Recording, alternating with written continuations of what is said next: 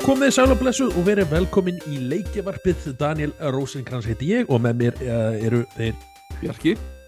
Og Sveit Já, þið er að hlusta á rétt, það er nýr þáttur að leikjavarpinu loksins, ég veit að uh, þrýr þarna, fjórir, uh, kannski fimm er búin að býða eftir þetta síðan, já, síðasta sumar. Uh, plöni voru náttúrulega að geta gefið út reglulega þætti uh, svona milli, en uh, sögum já, hjá mér allavega skóla þá uh, bara komst þeim miður leikjavarpið ekki af uh, því sinni, en nú er nýtt ár og engin skóli hjá mér uh, nýstefna, þannig að ég uh, ætla að gera markmiðistrakar uh, og hvet ykkur til að vera með mér, við ætlum að vera með, reyna að vera með reglur að þætti, hvernig líst ykkur það? Þetta mjög er briljant hugmynd, ég stiði hana 110% Er það ekki? Jú, Við ætlum að starta hérna þessi 2023 og, og bara með, eins og segja, leikjarpin núna er uh, tökunar uh, miðja janúar og, og vonandi bara heldast þetta, ja, við ætlum að halda þessu aðeins lengri, það er, það er, það er bara lofur þérna, þetta er bara Mhm. sagt í henni byrni En já, hvað segið þið hérna, svo að vanda, hvað hafið þið verið að spila, drengir, uh, til dæmis Bjarki, svona undanfarið?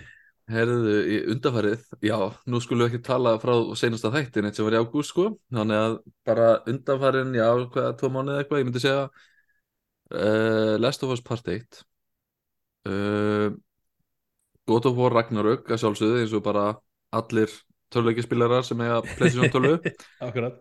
uh, og svo var ég loksins í jólafríðin að byrja hans á Elden Ring vegna þess að bæði hann datt á flotta útsölu þarna og Mhm. uh, ég er búinn að svona geima hana því það er svona ákveðið rými til að spila en leikur sem hefur verið mest spilað fyrir utan God of War Ragnarök, það er Mario Kart 8 á Switch það var, uh, já, hann datt inn í jóla hérna Já, mjög ný, mjög, ný, sko. mjög, ný, mjög ný leikur Ég klálega keift hann á fullu verði á Switch og ég á hann á fullu verði á Wii U djöfull Nintendo sko. Já, alveg, þú, þú neitaði að kaupa hann Ég okkur að kaupa hann en að því Ég þið hvað að Nintendo lítur að elska þig maður. þá neittist ég til að kaupa hann, það er bara þannig. Já, en, en hann er skemmtilegur, hérna- hann er skemmtilegur. Spilar bónusbreytinar? Nei, já það eftir sko. Þannig að ég er bara búin að hérna, já, taka þetta svona main course dæmi. Ég heyrði einmitt hérna frá hérna tæknivarp ársins hérna, já til tæknivarpinu hjá vinn okkar þegar voru að tala um það. Ég kifti Nintendo leik sem er eitthvað nýjóra gammal á 60 dólar svo viðbúttabröndir á 30 það er enginn sem kemst um þetta með þetta Nintendo mér fannst það. Það er viðstegilegt hvernig er halda verðlæginu á tillum fyrst mér Já, ég var ekkert að segja það því ég hef getað kipt 20 dólar áskrift svona uh, online og fengið allt frýtt já, já. en það er tips fyrir ykkur tæknivarpið ef ykkur er eitthvað hlusta en allavega, já, uh, Sveit, þú hefur væntalega verið að spila eitthvað undanfæri Er þetta að minna síðan síðasta þátt eða bara svona síðustu vikurnar? Eh, segjum vikunar, það er veist, eitt átt aðeins, le aðeins lengri Það listi er bara næstu sambandi- já. Já, Já, við ætlum ekki að rifja upp alla 20 leikir sem við spila milli, bara svona Ah, Hvað er þetta að meina? 2, 2, 3 Uh, ég svipaði þess að Bjarki pikkaði upp eldring á útsölu á, á Playstation þráttur að hafa verið búin að klára á Xbox. Ákvað ég að vera nógu geðsjúkur og fara í gegnum þessi helleit aftur. Sér ekki eftir því?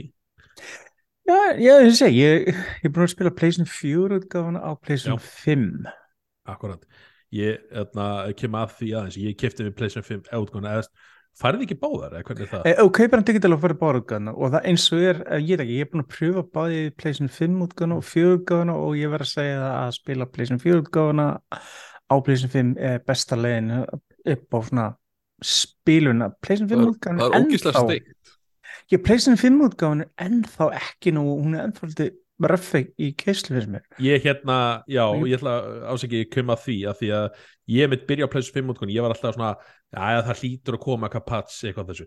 Uh, ég fór uh, ég sá okkar mynd á netinu ég veit ekki hvort ég satt ekki, þá fórum við að tala um polygon-tekníkanar í leiknum og allt það, mm. og hvað hann er að rendera það er bara bull hvað, veist, hann er, eins og segi eh, margi software leikir hana, veist, þeir, hana, from software leikir þeir eru svona, hvað segir maður, það væri hægt að slípa mikið til já, einhverjum þetta- gefst ekki já, gefst ekki mikil tími í það og maður sér bara hvað hann er rendera mikið maður bara, að ok, þetta er ástæði fyrir frame rate þeir En þetta er þetta fyrsti open world leikur en það er svo hefur ekki verið mikið af uppfæslum fyrir leikin síðustu mánuðina, það er svolítið svekkjandi að þeir hafa ekki patsað leikin eins mikið að maður myndi vilja, sérstaklega Nei. PlayStation 5 útgáðuna aftur því ég spilaði leikin á Xbox uppræðanlega og hann kerði miklu betur þar akkurat þeir eru bara hérna leikur upp á seljast hvað 15-16 miljón bara að bara finnst ári.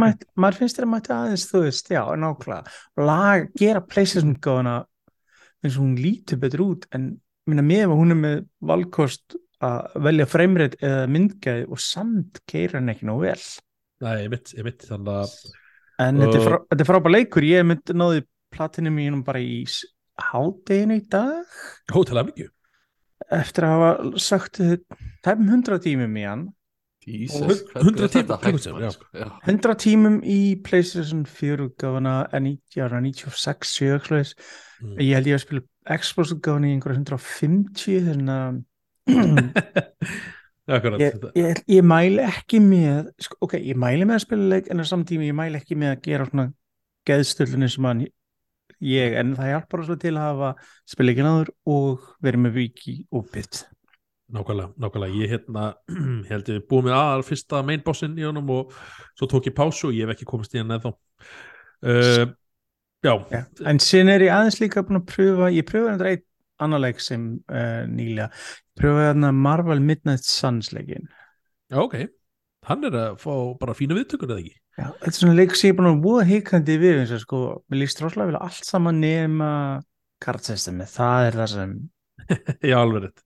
Ég, ég vildi óskast að það veri bara klassiskur hasaleikur, það veri, já. Einmitt, en, einmitt. en þetta er búið fínt sko, hann, þetta er uh, metnaföldu leikur, en ég bara já, veit ekki hvort sem fyrir mig endalega en en virði það sem hann er að gera. Mm akkurat. Uh, ég hérna, eins og segi, ég hef ekki getað spila mikið uh, á síðstari nema náttúrulega helstu leikina. Ég tók hérna session fyrir hérna uh, Horizon uh, smáeldi ring og, og svo náttúrulega God of War þegar það kom út. En fyrir God of War, svona byrjun ágúst þá hugsaði mér, já, mér er alltaf lungað að spila hérna God of War leikina aftur, bara prófa nummer eitt, en ég ákvað svona að gera svona markmiðið að já, þú tókst smá rispið ekki áður en að nýja Jó, ég ákvað að klára alla gott að fóra leikina áður en hérna Ragnarok kemur út. Og ja, gaman að segja frá því að ég var, ég var svolítið tíma hvað svo uh, næstu fallan tíma með, með hana 2018 útgöðuna en ég náði að klára hana á miðnætti sem Ragnarok kom út. Ég bara, ah, núna klára ég hann. Og hérna, og bara yes, ég get byrjað strax í Ragnarok, hann að koma freshin í Ragnarok leikin uh, Ragnarok leikin, gott að voru nýja. Uh, svo, og svo undanfæri hef ég verið að spila núna uh, Sonic the Hedgehog og, nei, fyrir ekki, hann heitir Sonic Frontiers Já, ég ætla að segja, hvað gamlan leik varst þú að spila félagi? Já, já, Sonic, hérna, uh, blái, knái, brottgöldurinn að mættur þarna í einhvern æfintýra heim, svona open Þú meina uh, Sonic slash Zelda, þú veist, þetta er, já, Breath of the Já, Wild, Breath Sonic Breath of the Wild, akkurat uh, þetta er, er rosa margt keimlíkt með honum, uh, ef ekki bara svona, já uh, það er að segja þrautin er, er það er ákveðna þrautir listar hérna í, í heiminum sem opna fyrir uh, svona, hvað segir maður, nýja þrautir eða uh, nýja leiðir til að hann að farast um heiminn. Og ég ætla, já, kemur kannski að því og eftir að því við svona ætlum að ræða Mm. betur um leikinn þá. Ég ætla að bæta einu við, ég spilaði þetta eitthvað líka nýjan í desember, ég spilaði uh, svona á Game Pass á Xbox og PC þarna High on Life uh, leikurinn frá þarna svo sem gerir ykkur mort í þættina alveg rétt Mm. Heitt mikið jákvætt um þá, hvernig þið varst að fýla? uh, hann er fýt sko, þetta er svona ég, ekki, ég veit ekki hvort ég myndi borga 60 dollara eða þú veist þú veist komin að full price fyrir leik 12 skall en sem Game Pass leikur er þetta mjög fýt leikur og hann er eins og segja, hann er mjög svona skemmtileg dumb fun sko, það er margt jákvæmt við hann Ég mitt heyrt þetta, það eru margir sem tala um þetta að, að, að hafi fengið svona boost mögulega leikurinn að hafa farið á Game Pass af því að hann, þá voru svo margir sem spilaði og voru bara hei, vá, geggjað að fá þennan leik á Game Pass þeir Game Pass einmitt- er frábært fyrir þær sakir en þú veist, þetta er miklu erfiðar að sannfara fólk eh, ef þetta væri, þú veist minn þú getur keft hann, ég slæðir ekki það þú getur keft hann á PC og Xbox en, en að hafa hann þarna sem hluta einhver áskrift og þú getur að hoppa á Game Pass fyrir einhver dollar á mánu, fyrsta mánuðin og testa leikin Mhm. og hins vegar hann fýtt fyrir það. Og hann fýtt svona leikur til að fara gegnum. Hann var ekki gallarlega klár langt frá því en eins og segi, dumb fun. Dumfan Dumfan stundum er bara það málið.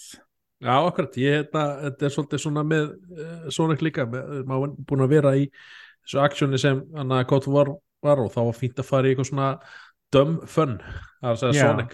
Svona uh, leikur sem tekur sér ekki allt og alvarlegan og er bara rólur í kattinum og, og, og það er oft bara nöðsynlega líka, bara góð tónlist og rólega Ko- Já, kon- og- Konan datta mitt í jólafríðinu í þarna, hvað heitir þetta, Lawnmower Simulator? Já, eh, þú er að- þú að PlayStation 5 sína þú er að sína Power Wars Simulator sem er að koma á og PlayStation 4 og hún 5 er actually bara mjög spennt fyrir Ei, ei, ég mæli með honum. Já. Ég Ha. dæmi ekki, mér finnst það cool það var perfect eins og ég segi, það var annar Game Pass ég dætti ná Akkurat. og að kom vel ég er enda, eins og ég segi, ég enda ég veit ekki að þið pröfuðu þið uppfarað útgáfuna Witcher 3 sem kom út núna í miðan desember á. PlayStation 5 og Xbox Series. Heyrðu, ég á hann bara eftir ég hérna, ekki hef ekki haft tíma og ég er uh, bara mjög spenntur yfir þeirra útgöðu ég er búin að testa uh, útgáðunar, ég er búin að testa bæði PlayStation 5 útgáðuna og Xbox útgáðuna og sem PC útgáðuna, ég hef þetta ánuleik svolítið mörgum stöðum þannig að öðvöld fyrir mig að ég hef ekki búin að pröfa hann á Switch eftir að hann var uppfærður en það, hún það var ekki fónin next in uppfærslu, hún var bara á lagfæringar held ég. Og nýtt uh, content. En ég meina gaman, leikurinn sjálfur er að koma út á disk fyrir PlayStation 5 og Sirius núna í miðjan uh, janúar sá ég þeir ætla að fara þá leið bara gefa út aftur er fínt, fínt fyrir að fá út allt saman en disk og líka þetta er ekki fullbæras leikur sem er annað jákvætt, ég sá að hann var að kúl sér á 6 skall svo hann myndi giska 6 skall hérna líka sem er fínt, þetta er frábær leikur og öllu aukefnu 6 skall. Þú veist, hefur aldrei spilað þetta. Frá, frábær dæmi sko ég hugsa svona 80% af fólkið sem er kaupa hann á, á disk er að, sem er nú þegar á hann á einhverju formati í, uppfærið útgöfu á PlayStation 5 í digital þá. Já, en eins og segi, frí upp- uppfærsla sem var líka mjög fínt. Sem er algjör snill sko, þetta er bara þeir hafa Já. staðið við uh, sitt hvað það var sitt í Project Red og Já, ég menna Og- eins og Og segi svo Lofuðu er þessu- Cyberpunkið?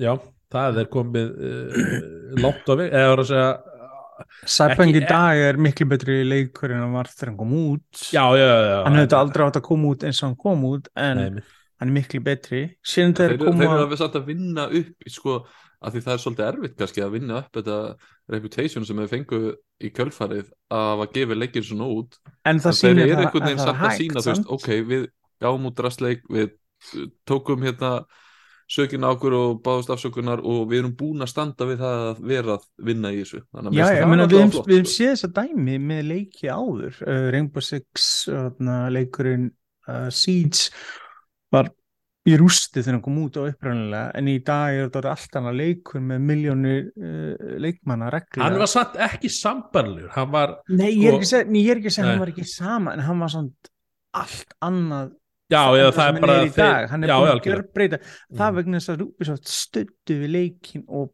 hlustuð á feedbackið Algjörlega. en ég meina hann var ekki sammælkværa en ég meina No Man's Sky ekki, ég er ekki að segja hann það er meira svona brostin lovorð versus brotin leikur en sjá hvað sáleikur er búin að þú veist, algjörlega gjörbreytast Mhm. En já, en eins og segi, þetta er maður svona eins og segi, búin að pröfa ímislegt og síðan þetta auglustlega spilaði í God of War, segir sér sjálf, ég er meira að segja náði platinu í honum í PlayStation 4 og 5, en það er þetta mjög þægild það sem var Autopop. hvað, hvað, hvað er leikur? Uh, God of War Ragnarok, já, uh, alveg að geta náð platinu ég finnst það alveg fyrir fólk sem hugsa um það. það, það er eitt sem fyrir svakalega tjóðunum með, með þann leik og það er uh, orðið Asgard.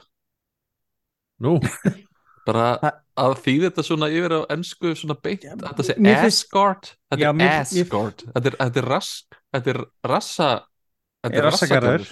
ég veit það, ég, mér fannst rosalega svekkjandi að fara ekki inn leikinn og að hugsa að fengu þér aldrei neitt til liðs við sig sem svona, þekki til orðalag?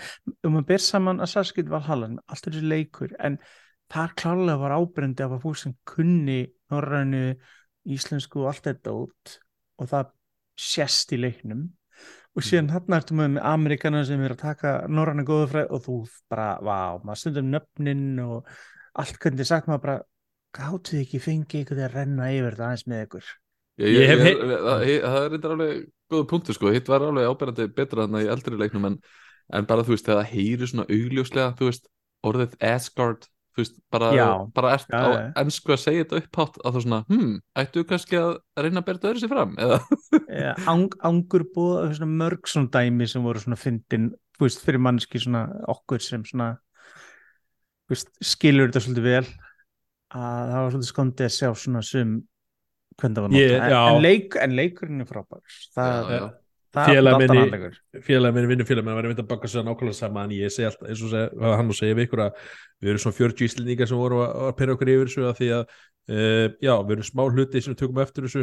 Eh, sko, 40 Við ísling, svo- en það verður pottet einhverju í Núri, Svíþjóð og einhverstað annars staðar sem hafa horta það líka og bara come on strákar. Nei, þeir myndi að hlæja, haha, tala íslendingar svona? Nei, Já, nei, en ég menna þeir klálega myndi hugsa sig þeir, já þeir það þeir hafa tengingu já. við efni líka. Ég er bara að segja þetta er svona með við hvað mikið vinna og peningur var lagður klálega í leikin sem sést af hverju gott er ekki gert þetta örlítla meira ég, Nei, fór, ég- veit nýtt. ég veit þetta er nýttpikk en þetta er samt þú veist, það hefur geta já, Ég, ég fyrir ekki þetta góðan eins, leik og- í vætingsþáttunum líka þú veist þarna, þú Já, veist, já, það já. var svona sambarlegt og þú veist, maður skilur þetta alveg, mér finnst það gaman en bara Já, on, en- escort, þú veist, rassa vörn Já, en- eða eitthvað skilur, bara getið ekki sagt eitthvað sem líka bara fyndið sem er nöfn sem eru Með einu essi bjarki. Já, svo, Já, en framburðin er escort, Já, og- og sem líka bara eins og nöfn karakter er með hvemmas nöfnu auðvitað maður bara og svona basic hlutur myndi maður halda að skoða þú veist, en já. En þetta er það sem þetta er vist og já en, It is what it is. Ég held líka að við séum bara, þú veist, komin á svo svakalegt level í töluleikjum að þú veist, að við erum að fá einhvern bara gullmóla í hendurnar eins og God of War Ragnarök og bara, maður er án svo ógeðislega góðu vanur í dag árið 2022 með PlayStation 5 og bara fína PC tölu og svona að það er bara einhvern veginn þú veist, maður hefur ekkert annað hérna því að það er svo, þetta er svo mikið að frábæra leikjum hérna í búið sko. Já, já, en, en ég vil segja, minna pröfuð þið PlayStation 4 og 5 útgáðanar á leiknum? Eða Uh, voruð bara mann og bara hvort fimm. Bara Já, fimm. ég, ég testaði báðar einmitt. Mm. og ég verð að segja sko hann bara rosalega að vera hannar fyrir PlayStation 4 fyrst og fremst. Ég er ekki að segja þessi slæmur ég bara að segja þú veist maður fann það alveg. Ég pröfaði reglulega að hoppa á milli útgáfana ég hef ekki sagt ég að segja mikið mun hann er þar en ég, ef þú spilar, ég meina auðvitað ef þú spilar á PlayStation 4 hardware þá auðvitað kannski finnur það meiri fyrir. En ef þú spilar PlayStation 4 útgáfana á PlayStation 5 og nýtur ákveðna hluta góðs af þeirra vél eins og hraðar diskinu og harddiskinu og hlutis þá er rosalega fátt. Þetta er svona svipað sem með Ryzen þú veist, uh, Forbidden West.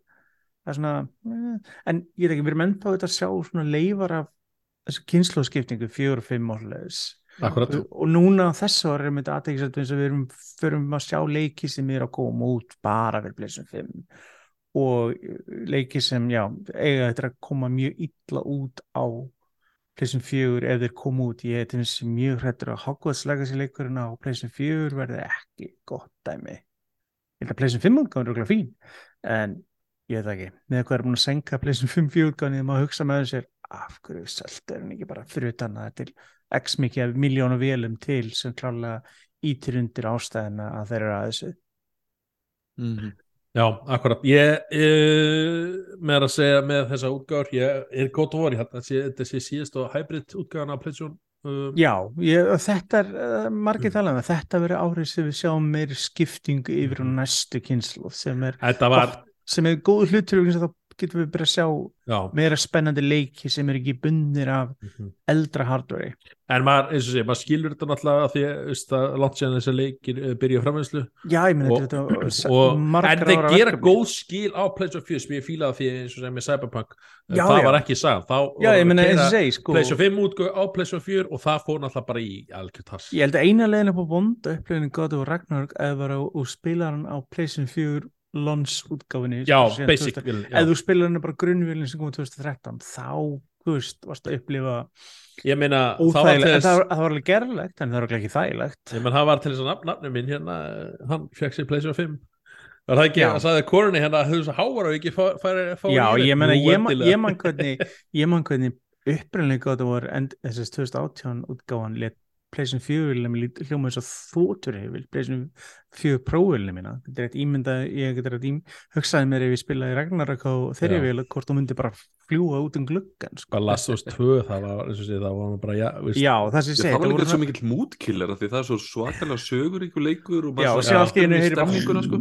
Já, Maður og heyrist þið með þetta inn á milli maður var að spila þetta veist, á kvöldin og, og konan fara að sofa var að svæfa og svo bara heyrði og látti stilt í sjóarpinu og maður heyrði ekki leiknum út á tölvinu bara, það er mjög, mjög þægilegt með bæði. PlayStation 5 og Xbox Series vilina að hvað þeir eru hljóðlótar sérstaklega eftir að verið með báðar Xbox vilinni er bara, þú heyrir ekki svo því, myndi þess að við fengum spurningu hvernig lætur PlayStation 5 vélinn bara, að bara, ekki neitt, við heyrum ekki tínu það bara, Minna, þú heyrir, þú heyrir smá diskadreifið og annarslega eitthvað. En það er já, ef mjög ef það það er ef mjög það vart að spila disk út já, Já, sem ég ég meina ger þessi, ekki. þetta, er- þetta er mjög takmarkað og mjög basic en þetta er, þetta er enga veginn eins og var og maður tekur alveg eftir muni þar.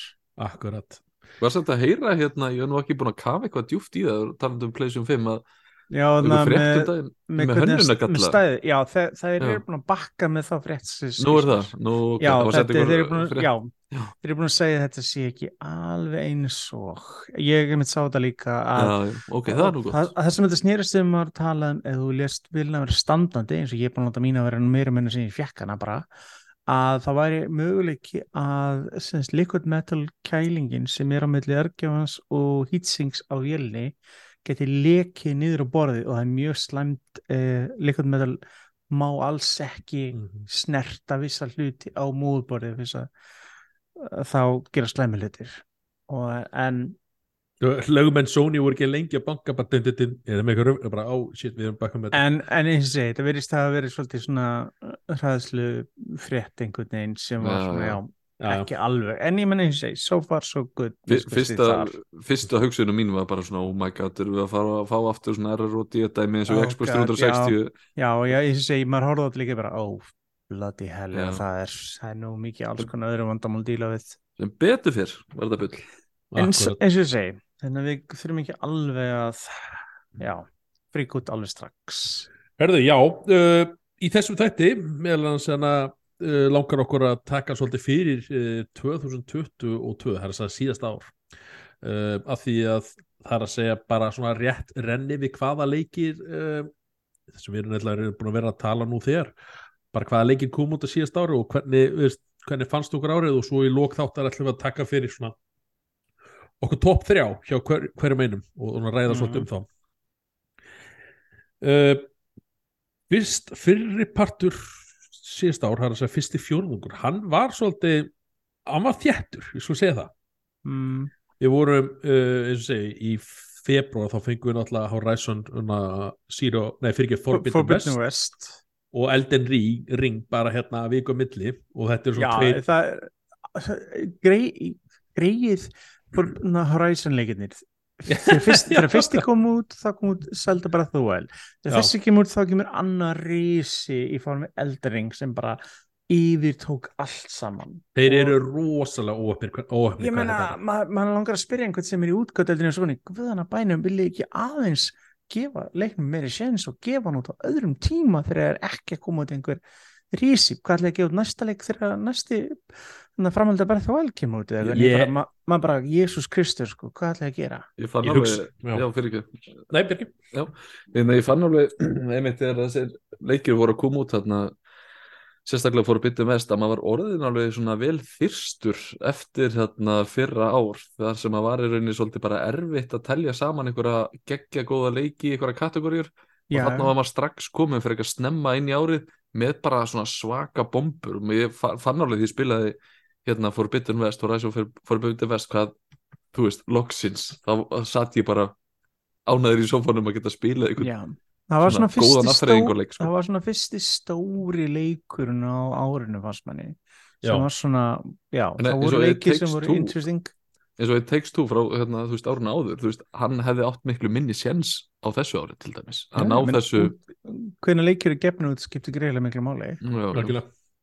Drástaðan er margir leikir sem eru gefnir út í janúar og februar er gálega útgáfa þá en myndi ekki mikið séns í þú veist, seft til des eða april, mæ eða svoleiðis. Akkurat, en nema hvað á, á, á síðast árið, þá var apríl til svona bara ágúst, það var bara dögt, að þú veist hefði, hefði einhver, hefði Horizon komið út á einhverjum tíma, þá hefði kannski hérna, Hann hefði alveg Eh, grætt að koma út mánuði setna sko. það hefði alveg geta komið jákvæmt fyrir leikin eða eru senkaður um mánuð já, bara alla sko hérna, bara til að leiðum að fá það aðtekli sem hann átti í skilin mm. þetta var mjög Mhm. gott framald og virkilega góð leikur en hann er einhvern veginn kaffarður ég veit, í já, ég veit umræðinni finnst mér Ég held bara- bara Sony hefði aldrei ég hef bara nokkuð maður hefði geta spáð fyrir því hversu stór eldering já, náði já, á- já, en samt söltöfnum fyrir Darsfáls 3 voru ekki beint litlar heldur, þeir eru að hafa smá hugmynd að þetta horfið stór leikur. E- ekki, ekki eldering stór Nei, en hún, það voru samt mjög góðar mjög Já, já. góðar. En að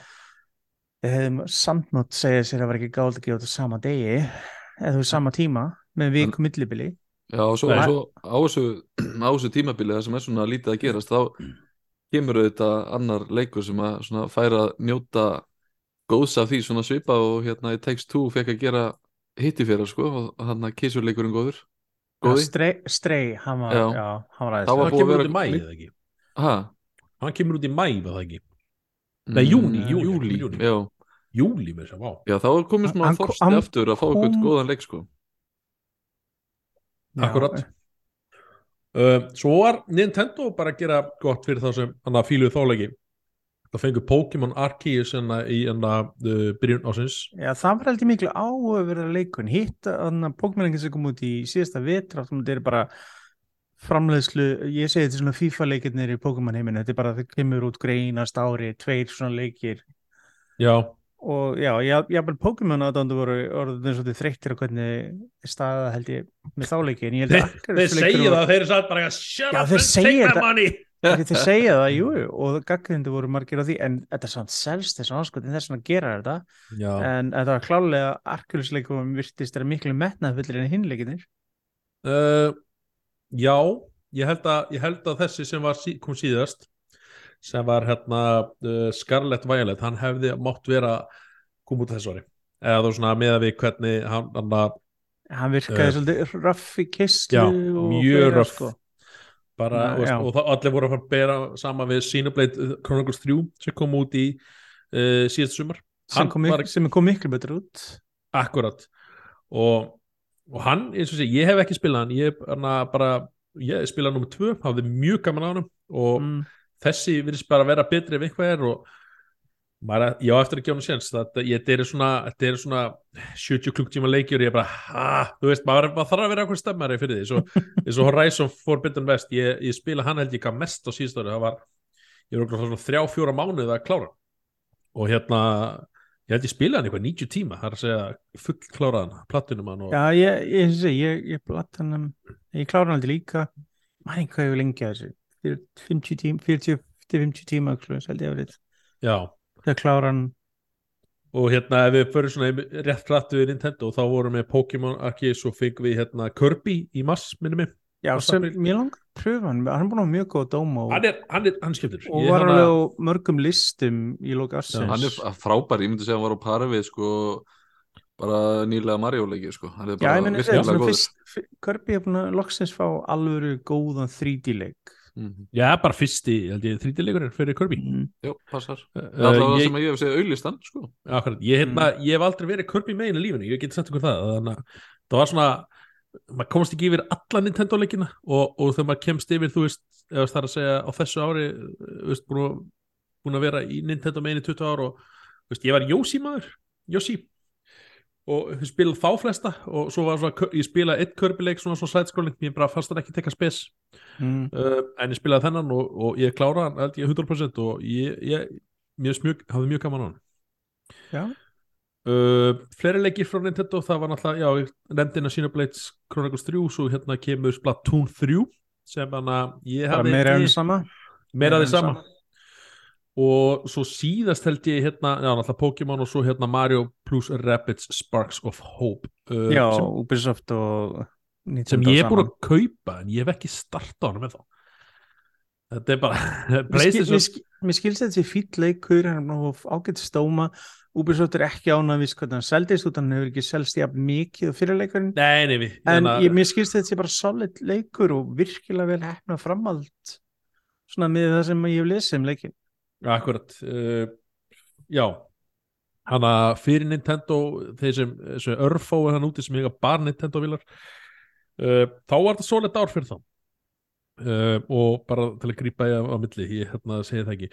Uh, Xbox það, var, það komu margir leikir á Game Pass eða svona Já, ég menn þetta var eiginlega mest sko það sem er einkendi myndi ég segja ári var með Game Pass útgáðnar en það var ekkit raunverulega exclusive leiki, það var mjög þund í þeirri útgáfi ég var sem bara er að vona að já. sjá að verið mitt lagfæringa á þessu ári vegna þess að voru engir stóri leikir eins og Horizon eða God of War Nei. á Xbox í fyrra ég, ég hefði haldið að þetta væri að vera að koma en ég, þetta, þetta fer að koma þegar loksins meina, þetta sko, það með hvað leikir er í vinslu hjá so Microsoft, nei, Microsoft eftir, og í þessum stúdíu sem er að geift það er alveg, ég meina, þú veist það er þetta leikir sem teknilega sé komu út sem myndi vera exclusive leikir í dag. Ég meina, Psychonauts 2 kom út í fyrra sem var mjög góður, það er Já. teknilega Microsoft leikur en það voru, það voru skamlir samningar sem gera verkum að koma út á Playstation.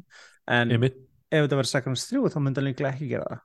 Nei, Þannig að þá það- vorum við að tala um einhvern svoleiðis leik sem var exclusive en já, það var eiginlega ekkert þannig, það voru margir góður útgáður að leikjum á Xbox Mhm. en það voru ekkert, þú veist Game Pass var alveg sterkasti hluti Microsoft í fyrra.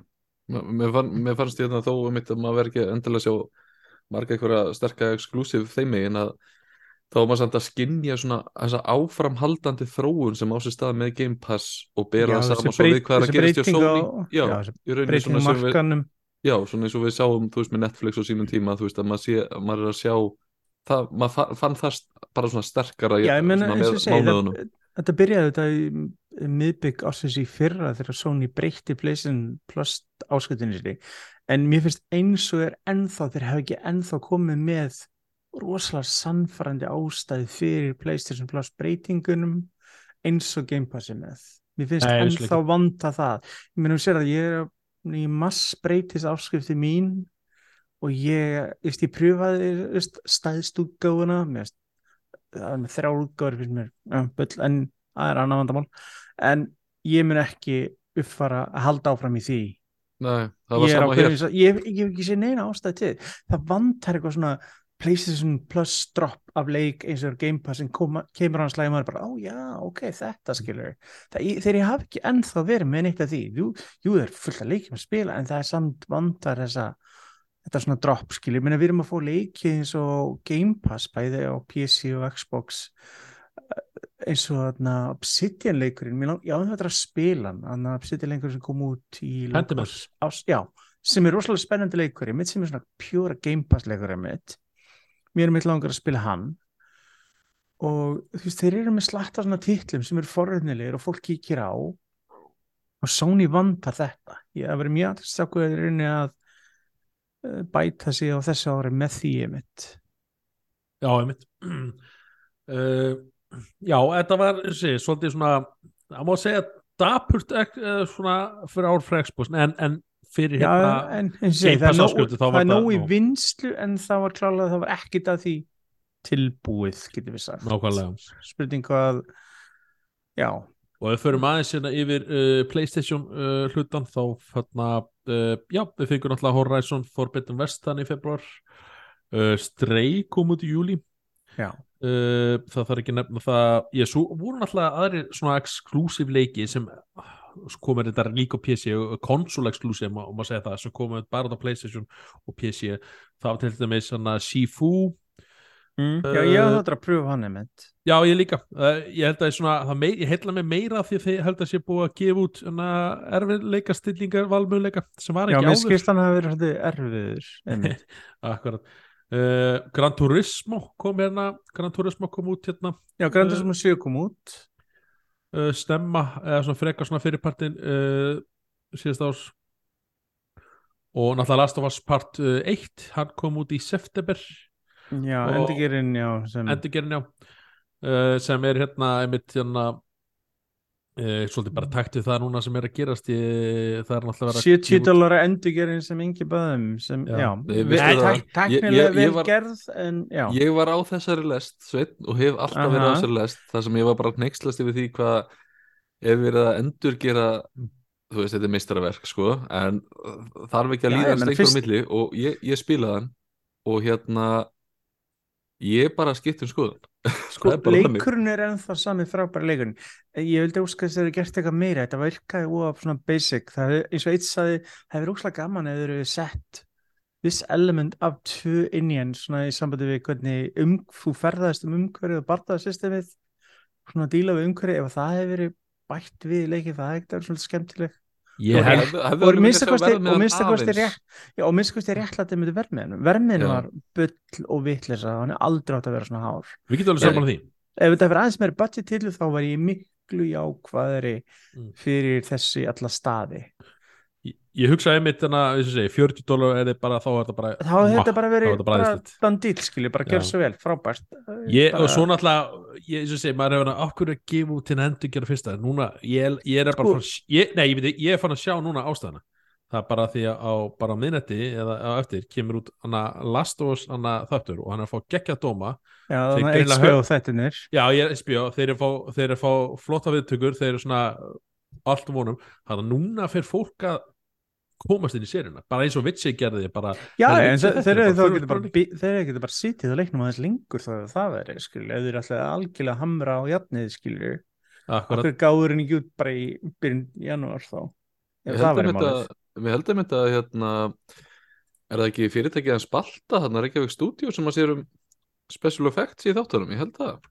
Ég veit það ekki. Ég bara- þekki ekki. Nei, mér finnst þess að það hefur verið að auðlýsað eitthvað hérna um dag, þess að sett gerði þarna Everest líka. Já, myndina og VR upplifunina. Já, einmitt. Já. en hérna, já það er svona fun fact sko. En, en það er að mitt, uh, þú veist, þegar maður er búin að spila nummer tvö og þá er mjög næs að geta endur upplifað nummer eitt já, já í, þessi- á þessi- svipuðum svona gæða staðli og þetta er svona að því við erum að fara alltaf þessu gegnum svo svakalega hraða breytingar að þú veist, við erum einhvern veginn að fara gegnum þú veist, þegar maður ber tónlistina saman þú veist, við erum einhvern veginn að fara úr vínilnum yfir í kassettuna og svo kassettuna yfir í geisladiskin og geisladiskin yfir í, þú veist, allt þetta. Og að, þú veist, þetta gerist bara einhvern veginn svo miklu hraðar í tölvuleikja heiminum að mér finnst einhvern veginn, mér finnst þetta alveg réttlætilegt, ekki verðmiðin en að fá þrjár uppfæslur mér finnst það eiginlega bara, Já, ég er búin að skipta skoðun Þetta er kannski líka bara svo fyndið sko vegna þess að þetta er uppræðan pleysin þrjuleikur en árið setna eftir að leikurinn kom út kom út rýmastur útgáf pleysin fjögur. Mm. og síðan eru núna að fá endurgerð. Ég meina hvað ætlar að gera næst, þeir eru búin að rýmast en bara endurgerðan hvað er eftir sko? Þú veist, já. Þetta er, ægit ekki, þetta er skondið dæmi en Last of Us 1 er þetta mestarstykki í alla staði. Get ekki tala á nógu í ákvæðum hann sem slíkan. Og ég fordrænst á þetta ég, ég er pínu hikandi bara einfallega eins og ég veit ekki hvernig það er að tækla þetta allt saman. En, en ég er mjög fordrænst að sjá Vitið vitið þið hvernig maður getur, er það er ekki takt að horfa á þetta svona ein, á er, Íslandi þannig? þetta er HBO, er ekki, en, en símin er núna með var að gera samningu HBO svo það er ekkert ólíklegt að þetta mun byrtast þar þegar sá samningur gengur í garð núna á þessu ári. Ég væri bara til að sjá það sem fyrst því að Já, ég, hér. ég, ég er með aðganga HBO Max og ég ætla að hafa það ok. þar Já, Þeir lofuðu nú að koma til Íslands hérna fyrir sko árið síðan já en, en með það sem ég var að lesa einmitt með hennar samning við Síman og fleira er að það er ekkert verið að gera svona næsta árum. Nei, greinlega ekki, víst að það er verið að landa þessu samling þeir eru, og líka Warner Bros. er í rúkandi ruggli í augnablikinu. Warner Bros. Discovery samrunin er clusterfuck verið styrir og það er alls konar ruggl sem er búin í gangi og ég held að það muni hafa áhrif á stækkun HBO Max talsveit mikið á næsta árum yes, nákvæmlega. Uh, ef fyrir maður sér við svona já, þrið, third party leiki sem kom út á, á síðust ári uh, þá var náttúrulega uh, ekkit endilega sérstaklega röð en náttúrulega Eldering sem hann uh, er bara Litli leikurinn, já. litli leikari sem er ég held að það tekið fram úr eða þýðir einhvað, tekið fram úr Last of Us 2 sem er svona hvað sem fengi mestar hérna, tilnefningar og, og hvað sem er vinninga Já, hann gerir það já, s- eh, eh, svona kleimið að gaggrinni er hann komin yfir já. Lastafas í því. Nákvæmlega. Ger, gerist Eh, nú bara fyrir stutt síðan. Já, akkurat, svo kom hérna í Lego-leikur Star Wars uh, Skywalker's Saga. Ég spilaði hann nokkuð? Eh, Ég, ég spilaði hann í gegn á PlayStation 5 Já, Fínsta ég, leikur, mjög, mjög fjölskyldu ég var mjög, ég var mjög spettur fyrir hann svo fannst mér að bara, sem ég heyrði að vera bara svona overwhelming, vera svo mikið í honum ég bara, uh, ok, Ja, þetta er þetta er auðvitað drekklættir, nýju myndir, það er eina, en ég meina, hugsaður value for money fyrir mútið er hann, veist, Já, frábær, eflaust, hugsaður um að voru kaupa fyrir krakkana, ég meina, það Algjörlega. skemmt, skemmt sér í og mánuði saman að ná öllu. Já, þetta er svona En- með, með leikuleikin að þú veist, það er búið að spila, maður, ef maður er búin að spila kannski þrjá fjóra, að þá svona, þú veist, þú veist að hverju þú gengur en mögulegt að komið leið á þessu. Já, veist, en það er eina sem þannig. hjálpar honum að það er aðris, þeir, þeir gerðu breytingur á formúlinni, hvað þannig spilast, heimurinn og fleira, en að það er, víst, það er einhverju nýjungar, þetta er ekki bara sama rinsundri pítæmi svo var með svo marga le leikuleikina. Þannig Mm. að það með það, þetta er ekki, þetta er ekki bara slappa saman einhverju dæmi og flekt út, þetta virðist þér aðeins meiri uh, metnaður uh, laður í þetta, svo þetta er ok. okay. fornum tilli fyrir það sækir og ég Mhm. meina, eða með Game Pass, þá er hann á Game Pass til dæmis, á Xbox og PC Mhm. svo það er mjög þægild að geta kíkt á hann þannig þetta er fýll leikur fyrir það sækir mm svo hérna kom hérna Teenage Mutant Ninja Turtles Shredder's Revenge annar Game Pass leikur sem ég langar að mynda að testa síðan er mjög virkilega góð að dóma Ég spilaði hann á PlayStation 5 og ég plattaði hann og ég hefði mjög gaman á hann þetta er svona Já. mjög skemmtilegur beat 'em up leikur og hérna uh, mér skilst þess að ég bara kera mjög vel á Switch. Ég félag minn vorum alltaf að tala saman og hann hann á Switch og ég á PlayStation og, Já. og bara gekkjaði leikur í alla staði. Hann bara verðist að koma mjög vel út almennt og fólk mjög hefur á hann ég hefði mjög gaman á hann uh, Return to Monkey Island er hann ekki komin alla leikjartölu núna? Á samt PC? ég veit ekki Hann- alveg, en já hann, Hann- ég, ég er ekki búin að spila hann en já. Nei, Uh, eitt leikur sem ég fannst mjög skemmtilegur var kom út á PC í fyrra heitir uh, Road Warden. Ég held að það sé rétt sem er Road Warden? Já, uh, sá, samkvæmt ég sinna eitthvað nei, heitir rétt út af hvað uh, hann? hann kom út í ég veit ekki alveg hvernig þetta er svona minnir með á svona old school textaleiki pínu. Já, þetta er þó þetta sé ekki þetta er eiginlega ævintýrleikur Já. uh, hann kom út já í september. Með PC þetta er svona eitt, þetta er svona old school arstill með þess að þetta er svona, ég veit ekki choose your own adventure leikur hálfpartinn svona eins og var.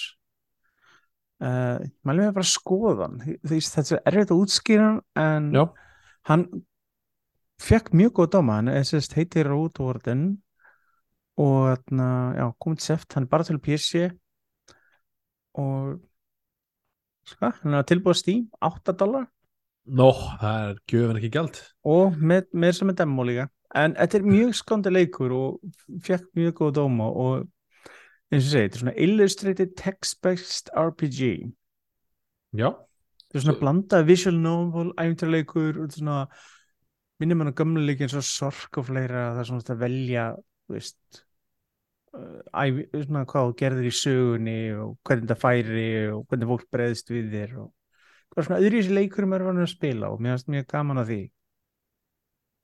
Akkurat, ég heyrði góða hluti um hérna Norko Já, annar, já, það er mitt hef leik ekki sem ég langar um að testa og hann er mitt komið um þetta Game Pass líka Game Pass, Ok. Game Pass, þetta er bara Game Pass ég, við erum á spons Þess að frá Game. Pass þátturinn Þe- Þetta sýnir sig, þetta er mitt málið sem ég veist Mm. eins og ég segi með PlayStation Plus dæmið þetta er það sem Sony vandar, þeir, vandar að vera með nákvæmlega þetta í umræðinni, mitt er að fólk geta um já, já, þessi leikur er að koma þannig á Game Pass Plus Já. eða whatever og þetta og þetta, þetta það vandar þetta svolítið mikið Samt er svolítið svona inn á milli það er svona, já, ég mynd þeir eru alveg með instinct leikin þeir eru ekki með þessa nýjöndilega en, en núna eins og kom út hana þessum mánuði að kemur hana út hana Life is Strange, ég bara, já, já, þá eftir já, já, þarna. en, en ég minna eins og segi við, við vorum að fá aftur á móti eins og segi á Game Pass eins og na, Scorn og uh, Tunic komið fyrst þar Vampire. Survivors, Weird West þeir slatta svona titlum skilur sem er svona, veist, einmitt fólk bara eins og Vampire leikurinn það sögur sem er bara fyrst maður horfður hann bara what the hell? En, en sem að byrja að spila þetta þá einhvern veginn dettur í gýrin og bara ok. Eflust, bara eins og allir þessi símalegir, ég er að horfa þetta- ennþá, ég er bara, já, ok, þetta er bara málið. Þetta er bara, mm. þetta er leikur sem húkaði alla einhvern veginn, af því að hann kom út á konsól líka. Já, sem þetta er að koma út að Monster Hunter Rise leikurinn, hann er að koma á Game Pass núna í 20. Hann, ásand Persona 3 og 4 hann var náttúrulega að koma þetta út á hérna Playstation, nei, fyrir ekki Switch fyrst. Já, þetta er sviðsleikar en hann er að koma út á Playstation og Xbox uh, 20. en hann er að Game Pass Day 1 Ég er að spila Þannig að- Monster Hunter World og ég held að það sé bara nóg fyrir mig Já, ég, er þetta er ekki leikið fyrir mig mikið ég- grændleikir þetta er bara, alveg rosalega græntleikir ég, einhver kunningi minn sem spilaði World að hafa með svo ég skoði einhvern tíðan spilaðan tíma hjá hún ég bara, ég bara sortnaði fyrir augun þegar ég sá hvað hann spila mikið. Ég bara, ég vissi ekki að hann var hægt að spila svona mikið, ég bara og býtu, Og- ha, og ég- býtu, og þetta meinar seg- það þó og að þú sért búin að spila for, hérna, já, fútbol fútbolmenn- manager? já, þetta ég hugsaði líka.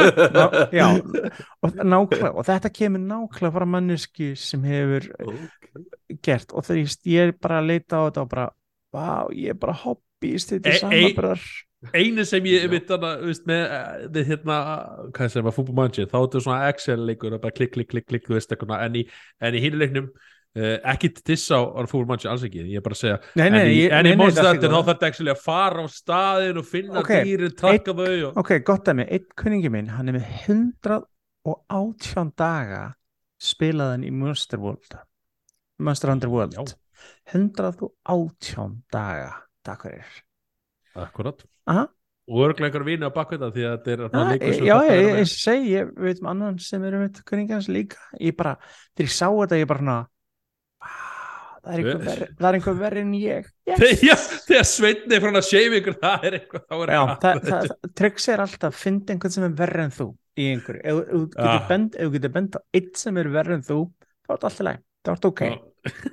Akkurat, þannig að ég, ég get það, svo er Já, þetta já. alltaf læg það er hérna uh, fleiri leikir, náttúrulega Call of Duty Modern Warfare 2 kom út Ég hérna. er að spila hann, hann er telst góður sem er er já, ég var spenntið fyrir hennum svo bara einhvern veginn datt hún alveg sko. ég, veist, ég kannski kaupa hann einhverju svaka afslætti sem þeir eru sjálfnan á bara til að spila innspilun hlutan Já, ég þetta spilaði sem þetta uh, uh, uh, Batman leik, eh, Gotham Knights leikin sem kom út, gerðum þannig mittir á síðinni mitt alveg rétt. Uh, fínast til að fýtt leikur en þú veist, þetta er ekki Batman leikur þetta er bínur svona skritileikur það sækir. En þetta er svolítið titill en þetta er svona ég er rosalega öðvöld með að mæla með um á PlayStation Plus eða Game Pass, það væri mjög öðvöld að segja bara hei, go for it sko. En, en eða pikka hann upp á útsölu og þá bara, já, ekki máli. En en já, þetta er svona fýlleikurinn en engin bylting, þetta er svona já, það er eiginlega að segja það hann er góður en ekki, ekki þú veist. Já Já, Ah. annar, annar leikur nýr sem kom með myndi út líka í oktober, hann að Plague Tale Requiem, já þetta er að spila hann. Já, ég líka. Ég spilaði fyrri, hann var óslega pottur mér skilst að þetta sé svona uh, hann byrjar svolítið hægt þessi nýji já, uh, þú voru að komast yfir hérna yfir ákveðin kapla í byrjun af því að, af því að ég er að lang- á já, Já. ég að hlusta á annað hlaðvarp og þeir voru að tala um þetta í Gamefish voru að tala um hérna hvað uh, fannst svo að því að hann er svo ó, lítur ótrúlega vel út og fallur já en, tæknum, mér langar svo svo á Já. ráttu dæmi, hvað er búin að Já. Það dæmi þess að það var nógislegt í fyrsta leiknum held en að ná en það næri ekki að vera eins góður fyrirleikurinn en mm, þeir hafa svo takmarkant þeir, þeir, þeir eru bara tveir og, og þeir eru að fjallum hvern einasta leik þannig að þeir hafa takmarkant tími í alla leikina. Þannig að þeir Mm. komast ekki yfir þetta bump sem gerir þennan leik svona já, já, frábæran og hann er þessi nummer 2 já, ég, sé þetta svona leik sem langar að gefa mig tími og sakka mér í. Já, og ég tel hann getur verið mjög góður en já, ég þarf að hafa tíma til þess. Og Nákvæmlega. þarna, já, bara með saman fyrirleikin maður svona spilaði mikið setna en að koma út og, og ég hafði mjög gaman á hann já sann hann hér, ég spilaði ekki myndir hann koma út en ég spilaði hann setna og ég er svona, já, ok, ég skil hvað það er að tala um. Akkurat. Uh, er einhver svona leikur eh, sem, eins og segi, sem kom út á þessu, nei fyrir ekki, síðast ári sem þið svona hefðu vilja spila eða svona gefa sko, ykkur tíma? leikur sem ég langar að pröfa en ég ekki hafa það gerst uh, er Callisto Protocol sem er eiginlega bara Dead Space í öllulegum nafni.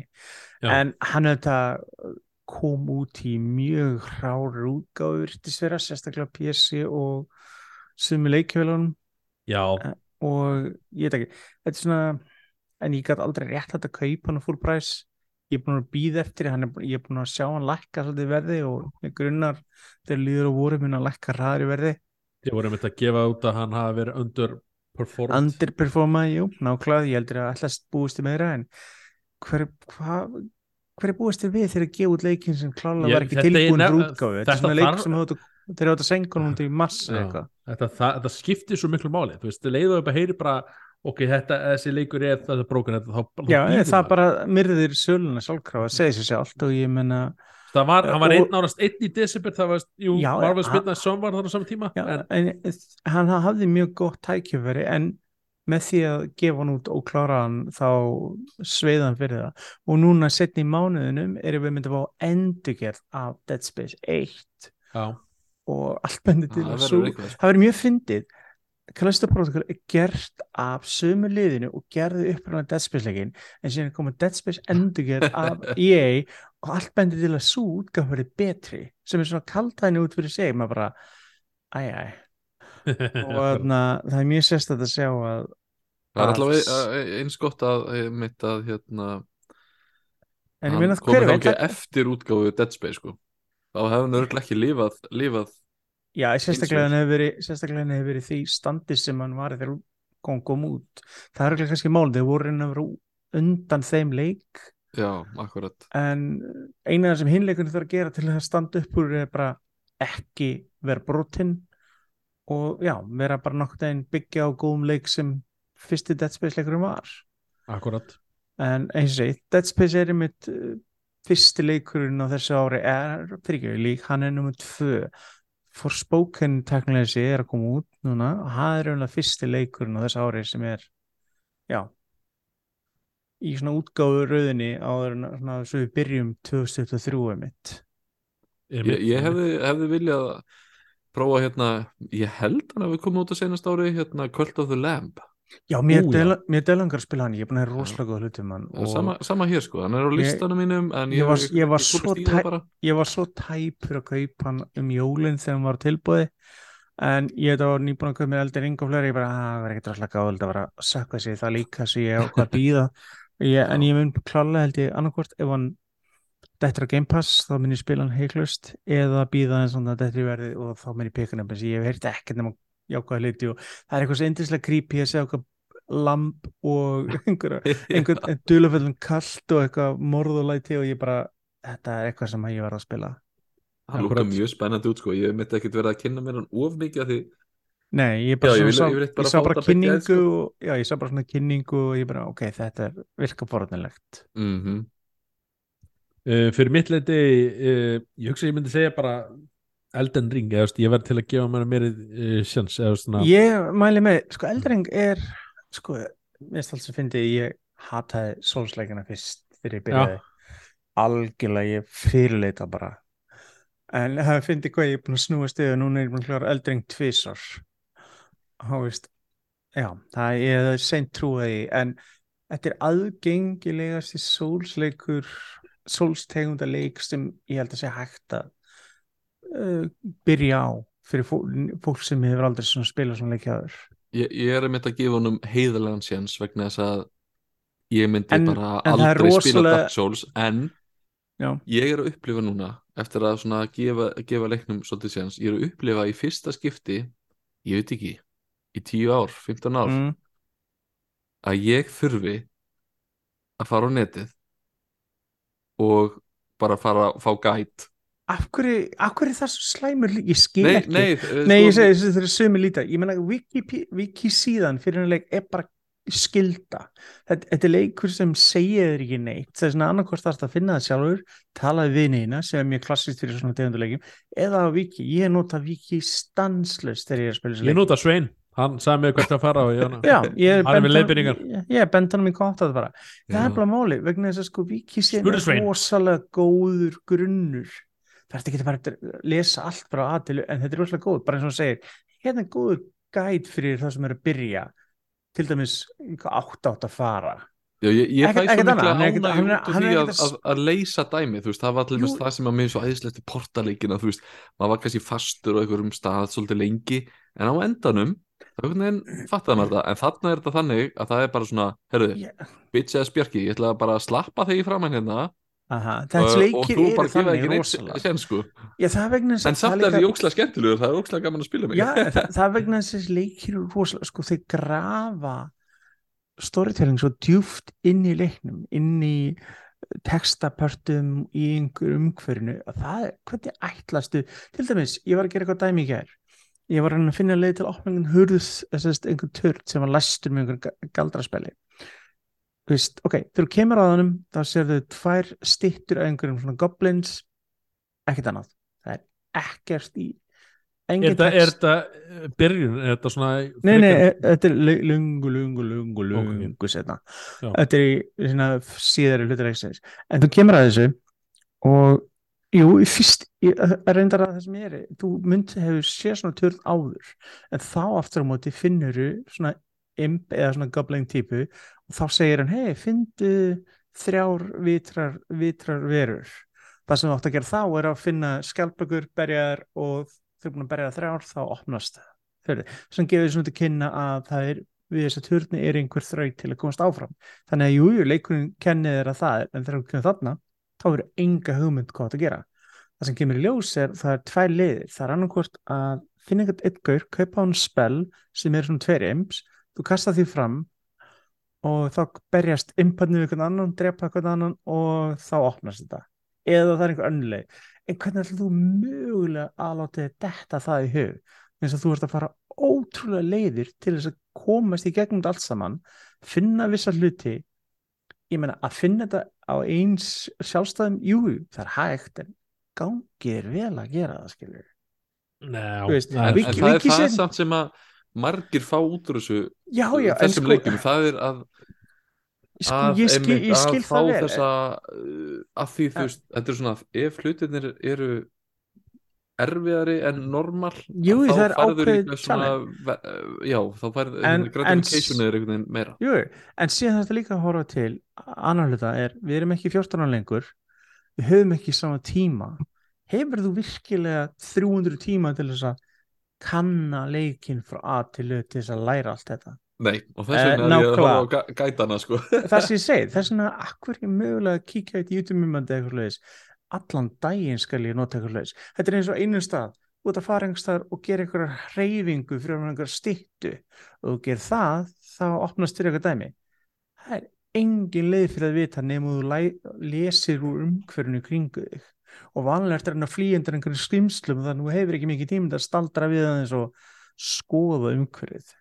Sko, þessi leikir eru þetta frægir fyrir að kasta þér djúpandanum og segja bara larða að synda. Það er ákveðin uh, hlutur við það sem er kostur og það er ákveðin challenge og það er ástæðinu fyrir fólk sækir þessi leiki. En mér finnst alltaf gott að hafa hitt sem valkost. Og þarft ekki að nota en það er næst að hafa það Ég ætla að vera þessi gætar þarna sem eru í leiknum ekkert alltaf hjálpsamar þeir eru hrikalegi sko það- vegg og eitthvað svona sko. Já, sko, þetta er eins og, þú veist, hei, það er mögulega, sko, og sér líka aldrei treyst, eitt sem lærir þegar þú spilar þessu leiki, aldrei treysta neinu sem er skrifað í umhverfið. Að Ég er, að, ég er að fólk, meina það sko að já, um- það, það er já. klassíski brandar í sólsleikjum vegna þess að, hei, hoppaði fram hérna, þá gerist Já, veist ég að fór það- þákað sko. Sko, leikurinn og aðrir leikminn eru bara alltaf trollæð. Þú ert alltaf gangur trú því ef leikurinn segir farað þangað, ekki trúa þig.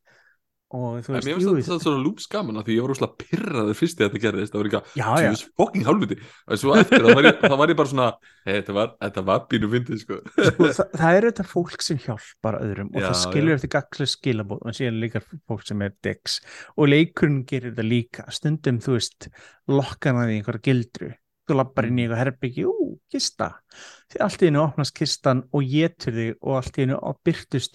og allt í einu á kortinu og allt í einu ertu stattur í helvíti vegna þess að þú ert stattur á svæði þessum allir geta myrti bara þess að hafa fyrir því og þú veist ekkert hvað það komið, það er enda mjög skemmtild moment í leiknum.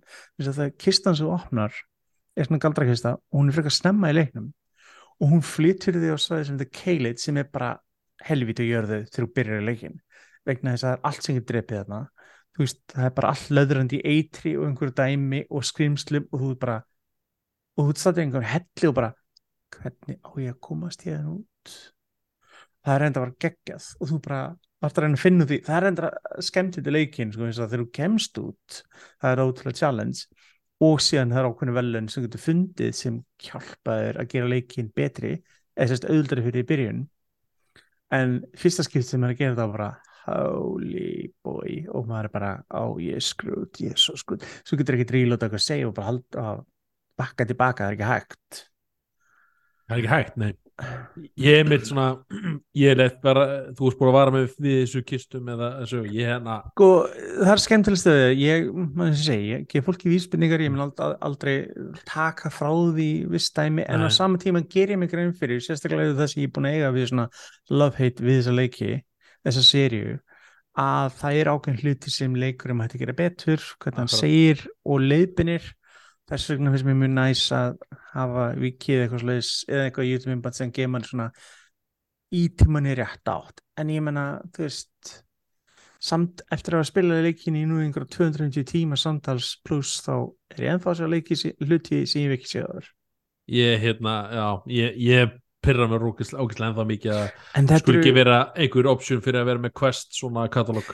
Já ég menna þú hefur ekkert. Þú hefur enga, ekkert questlog eða neitt, þú hefur ekkert. Þú ert að muna þetta annarkvæmt sjálfur skrifa þetta niður eða þetta viki þess vegna er þetta viki svona þetta að hafa bara svona við hliðin á manni sem gefur manni svona, þú veist, ok, ég þú veist, hvernig ætlum þú að muna að fylgja einhverju questline? Þetta, ég vil, ég vil meina að þetta var sko tími þegar Zelda 1 var var Já, ég, niður þetta, er, svona- þetta, er, þetta er ákveðið svona old school hugsunagangur þar sem fólk einmitt notaðist við að skrifa bara niður, vegna þess að það var eina leiðin að vita þetta vegna þess að, þú veist, annars meina hafður, ekkert Þetta er 100% meðvitið ákvörðun samt. Já, þetta er engin tilvilin, ég aldrei segja það. Nei, þetta er engin tilvilin, þetta er viljandi gerst. Já, já, til þess að fólk annarkvort þurfi að leita til annara það er einmitt málið, það er einmitt hluti af þessu er einmitt að tala við einhver aðra, það er það sem gerir það skemmtilega þess að ég skildi að fólk sem vil bara nei, nei, ég vil geta neitt.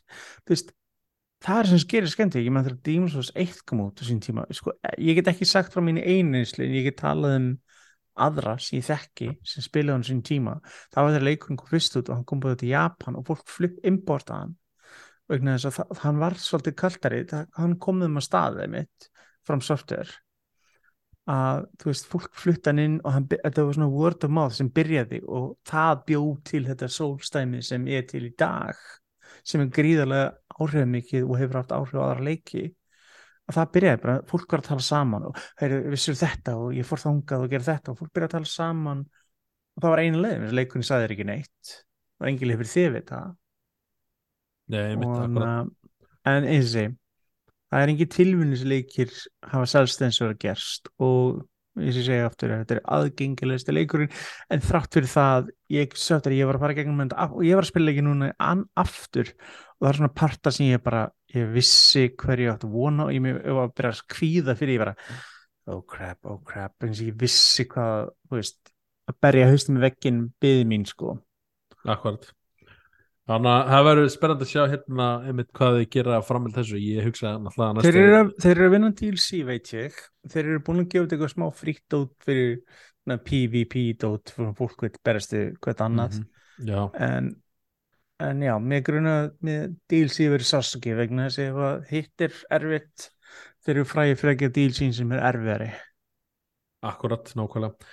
Uh, Já, þetta var hérna svolítið svona ég umræði hvernig hérna, já 2022, svona smá uppgjör uppgjör þáttur uh, Ég held að við förum bara beint í hérna um, það er langt linnið þáttin, ég held að við förum bara beint í hérna 2023 það er að segja þetta ár og hvaða leikir Mm. eru væntalegir og förum svona yfir kannski á hvaða leiki við erum spenntastir yfir um, Já, og þessu ári við erum að sveit úr nefndir hérna Forspoken, hann er að koma út núna á í januar, ekki? Hann er komið út náða 20 stæfi manni Það er bara í næstu viku 24. janúar á PlayStation 5 og PC, gott dæmi, það er með þennan spyrstu Ó, leikin sem er bara á Next Gen Já, það er, já, það er eða, þarna, ein, ein, ekki eins og einu hálf þetta er, er þriðdæðurinn 2004 mm og síðan Þannig. 27. kemur út uh, Death Space Endurgerinn og 30. kemur út Power Wash Simulator Bjargi á PlayStation 4 Ég og PlayStation þetta 5 í bókina. Já, ég ætla að nefna- við þig, Bjarg minn að 30. neldu dagstinguna Mhm. fyrir þig og já Við verðum að drífa saman. Er ekki co-op í þessu eða? Jú, það er, það, það er góð það, geta nokkri verið saman að þrýfa Love it. Akkurat, hérna. Uh, fleiri leikir uh, Jedi Survivor, eða fyrirgefi kemur kannski undan en að Uh, það kemur hérna Harry Potter, Legacy, Hogwarts já, Legacy, Hogwarts Legacy er 10. februar já. já, það er bara að bresta á líka það er bara í hann er bara alveg, já það er bara alveg að bresta á ég hugsa að hann kemur já, út í sama hvernig ástæðan verður einhvern veginn. Ég held að já, en þeir eru búin að senka með PlayStation 4 og uppröðin Xbox One útgáðunum alveg, alveg, fram í vor og líka Switch útgáðun sem ég er enda að vara að segja við kunningum en ég veði það verið bara cloud útgáð eins að með við hvernig leikurinn að keira þá held ég að það verður mjög erfitt að, hann á eldri hardware. Nákvæmlega. En já, hann er að koma núna, já. Er endar, er að koma tveir hlutir sem er ekki töluleikir en eru töluleikir tengdir og við þetta að fjalla kannski um það setna. Uh, það er að koma ný PlayStation fjastring, PlayStation uh, DualSense Edge, er það ekki þetta mér? Þetta er ekki það? jú, jú, mikið rétt Jú. Sem er svona Pro fjastring, sem er eins og Elite fjastringin er fyrir Xbox. Hún er að koma út núna í þessu mánu, setna. Og í næsta mánu er að koma út PlayStation VR 2 fyrir PlayStation 5 sem er mjög spennandi að sjá næst útgáfu af VR frá Sony. Já, Ég hérna- Var komin einhvern verð með á það? Uh, nei, en með við allt sem, sko það komið vermið úti, Mm. það er nokkurn veginn bara vermiðin á PlayStation 5 tölvu. Já, Það er bara þannig, það er bara, sko það komið vermið úti. Þannig að við erum að tala um Á- verð á kannski 100 áskall hérna á Íslandi eitthvað svo leiðis. Jep. Já, Jep. já.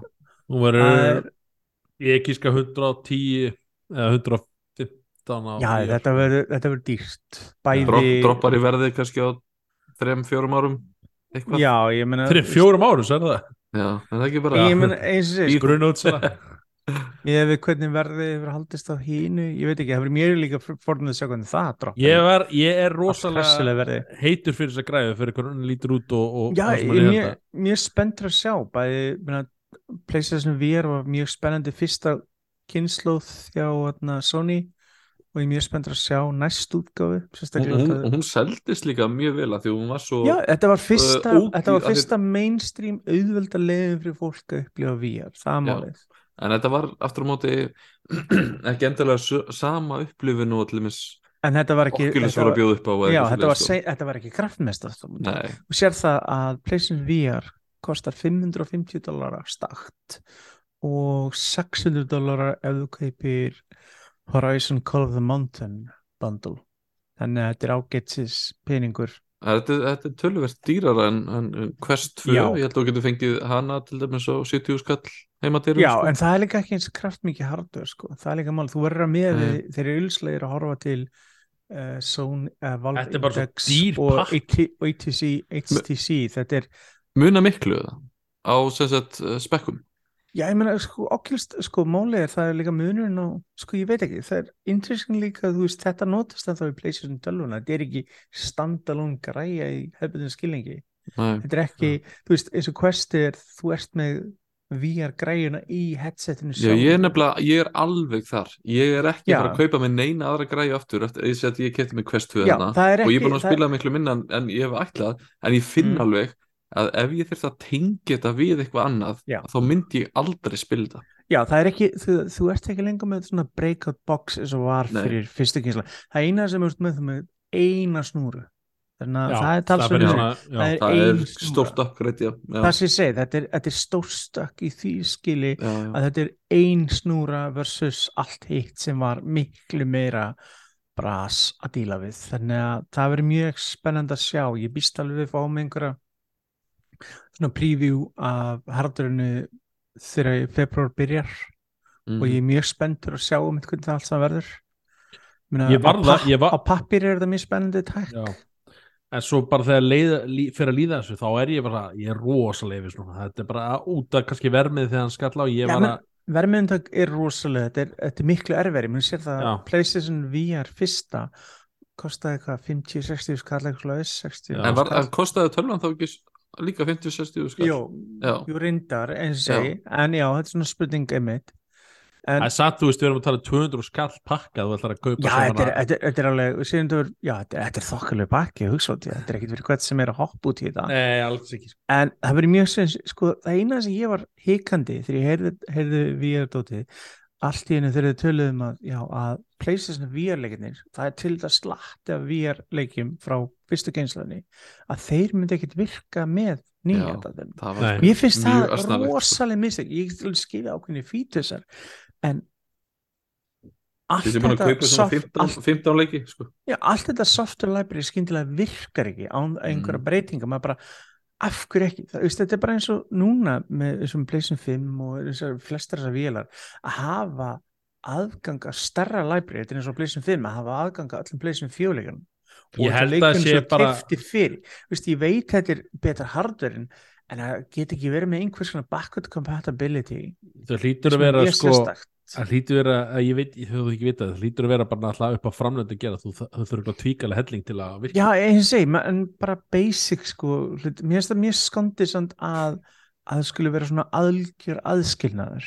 Já, þú, þú ert að gefa notendum eh, sem áttu eins og mér ert 1 að- notendum, já, þú ert að gefa tækifæri til að flýja vettfang og fara einhvert annað eins og til Já, Quest, nák- að því Quest 3 kemur til dæmis líka uh, áætlega, Já, komið setna og- á þessu ári sko. og PC er miklu meira aðgengileg og, og nýja græðan frá HTC sem eru að kynna á CS hún mun styðja eins og Steam VR og allt þetta dót þannig að Mm. það er að verða meiri samruni þarna og á Já. sama tíma er þeir bara að segja "Heyrðu, ok, allt þetta software sem þú hafðir þú getur ekki einu sinni spilað í einhvers konar útgáfu bara backward compatibility og mér finnst það rosalega, nú ertu að byrja á nulli nú ertu alltaf bara, ok, ég er bara með fimm leikið eða eitthvað, svoleiðis, að, aðgengilega allt inn í byrjun versus ég er með nokkra tíu sem ég geti haft aðgang að jú, þeir eru lítið ekki þessi vilja út þeir eru eldri en síðan hef ég þá pluss hitt, það er miklu auðvildra samfaraði sérstaklega að droppa 100 og hvað skalli fyrir hardverið að hafa aðgang að meira software library en þarna. Ég meina við erum eitthvað að sjá uh, hvernig það gengur þess að sama hvað software, eh, sérst, hardware er gott ef að library er ekki gott og verður ekki stutt almennilega við það þá, þá getur þetta dáið mjög snögglega. Við hefum séð það með mörg fullt þekning gegn tíðina. Eins og hérna, þetta segir hérna í Gamefist hann segir bara að þetta er uh, doom from start. Þetta er bara, þeir eru bara gefið út þeir vita að þetta er floppa og, og þeir get ekki bakkvæmt núna þegar þetta er komin þetta langt það bara gefum þetta út, tökum okkur skellin og gefum þessu tvö ár og bara Þetta er auðvitað áhættu dæmi vegna þess að mér minnir að PlayStation VR 1 að það hefur verið mest selda VR-ið bara Það svona það já, það. Og, og, og svo þar og eftir Quest 2 þannig að þetta er ennþá svona áhættu markaður Mm. þú veist, en- VR er nefnilega bara áhættumarkað Þetta er, Já, þetta er þetta er gríðaleg, sko. menn þú sér það þeir seldu fyrir leikiframlöndu sérstaklega líka bara, þú veist já, klálega sko. þú sér það að sko þeir seldu uh, þeir seldu nokkuð miljón eintök af VR sem er rosalega góður árangur vegna þess að þetta er rosalega erfitt að já, tala með þessi sko, 2019 var talað um 4,2 miljón eintök af VR selt og það er þeir fóru yfir 5 miljón, þannig að þeir eru örgulega einhverstaðar á milli 5 Já. til 6 miljón sem er gríðarlega árangur að hugsa út í það fyrir VR já, mér finnst að- það það þarf á mótur munurinn við PlayStation VR 1 eftir að hafa prófað það þá var mín upplifin, vá ég ætla ekki eftir að kaupa PlayStation VR en mín upplifin á Quest 2 er svona, vá, hei, ég get til í að uh, fjárfesta meira á þessu sviði. Hún, var miklu það var bara auðvitað- ekki góð útfærsla sko. já, já, hún var miklu hrárri og minna sást bara hvernig þeir gerðu bara eins og með controller, þeir repurpose PlayStation Move frá PlayStation 3 sem controller sem voru engafinni af góðir, það er miklu meira spennandi að nýju fjastringarnir eru miklu líkari þar sem önnur sambarlega VR-tæki er að nota. Mm -hmm. mm, akkurat, en hvernig það gengur það er rosalega að segja, ég myndi alltaf segja fólk að uh, fari varlega í þessu þetta, já, þú getur enda með mjög dýrt paperweight eftir sex mánuði ef þetta að- verður mest selda varan á, á bland og PlayStation sölu síðum það er, það er sorry. En já, en, en alltaf gaman svo nýja tækni og ég tekur fór- við af PlayStation ég fór til að sjá hvernig það kemur út það sé ég segi og ég Þetta er skemmt vikill Við hérna erum hérna, eins og, mjög forröndar að sjá hérna, eins og, PlayStation VR uh, tvö heitir það ég meina, Apple er einmitt líka að fara að koma með græðu Já, ég meina þeir eru búin að dabla við þetta, Microsoft Já. er búin að dabla við þetta, það er allir Já. búin að dabla við VR það. Þetta, ég var alltaf að trúa að VR er eitthvað samband verði einhver svona framtíð fyrir en að bransa fyrir að sér, hvað langan tíma það tekur, ég veit það ekki en þá er bara uh, held ég svona menn FHD þá er að- græur það er Já, svona, já, og það er svo mörg, mörg tæknis uh, tæknilega hindranir sem það er að hoppa í gegnum en þetta er við höfum séð svona gríðarlega breytingar frá, ég mann þegar maður fór svo fyrstu Oculus stótið, hvernig það var og versus það sem er í dag. En Já. geta verið með, geta verið með VR hausnum snúr og lausa þessi berkjartalum, það er gríðarlega breyting frá fyrir tíu ára síðan, menna hugsa á tíða hvað Mhm. tæknin er búin að fleia fram? Hvernig heldur að vera þetta einhver x, ári viðbót? En það er gaman að sjá það sko, þessa tækni Mm. Þetta, já. en já, Eh, Já. Hvað sérum? ef maður taka leik hvað, endur Já, þetta er flott le- leik, hérna, gott að komst henni inn á þessu því að þetta er náttúrulega bara næsta leiti hérna, Pleasure VR uh, grein uh, Já, fyrir að leiki sem eru að koma út þessu ári, þannig að við vorum að tala um Forspoken, Hogwarts Legacy svo kemur ná hana uh, stund setna kemur Star Wars Jedi Survivors já, Survivor sem, sem uh, mjög spendi leikur sem Ég- er mjög undir áhrifum Souls-leikina Ég er einmitt svona, þú veist, ég hafði rosa gaman að þetta og ég elskan og ég, þessi hérna, veist, ég er búin að sjá það lítið, ég held að ég er eftir að peppast, ofpeppast upp þegar að kemur að mass en ég er mjög rólur eins og ég er. Ég, er, na, veist, ég hlakka til að bara svona láta hann svona blóma mænd einhvern veginn, eða vonaði, vonaði Já, að, það ég, sko eftir að að mikla öldra að vera rólegri fyrir framhald af leik versus þegar þið gefið fyrsta leikin og það er svo margt Já. nýtt og óvitað. Núna vitum við að þeir geta þetta og þá hugsa maður, ok, það verður spennandi að sjá hvernig þeir vinna með formúluna hvað þeir gera nýtt, hvað þeir betur en bæta og allt svo leiðis, þannig að ég er mjög fórhundin fyrir leiknum. Þetta er fyrirleikum Já. var mjög skemmtilegur. Ég er hæfilega björsitt fyrir næsta leik. Já, og svo hérna Starfield. Uh, Oh, Sveit, er hann að fara að koma þessu ári? Ég held það, já. Ég, no, ég er freka samverður. Ég, ég, ég, er meira sett tilbúin að setja hann á gisklista minn fyrir árið. Ég er meira sett svo tilbúin. Hérna, já, við tölum það Ég, get ekki sagt það saman um skala bósi og endur að segja sjötta, skiptið. Akkurat, starf, ég En- hérna, en jú, ég Þeir eru, Microsoft er búin að tala um að það veri starfilt sérsta kynning. Þeir eru með, Mhm. með kynningu núna 2005.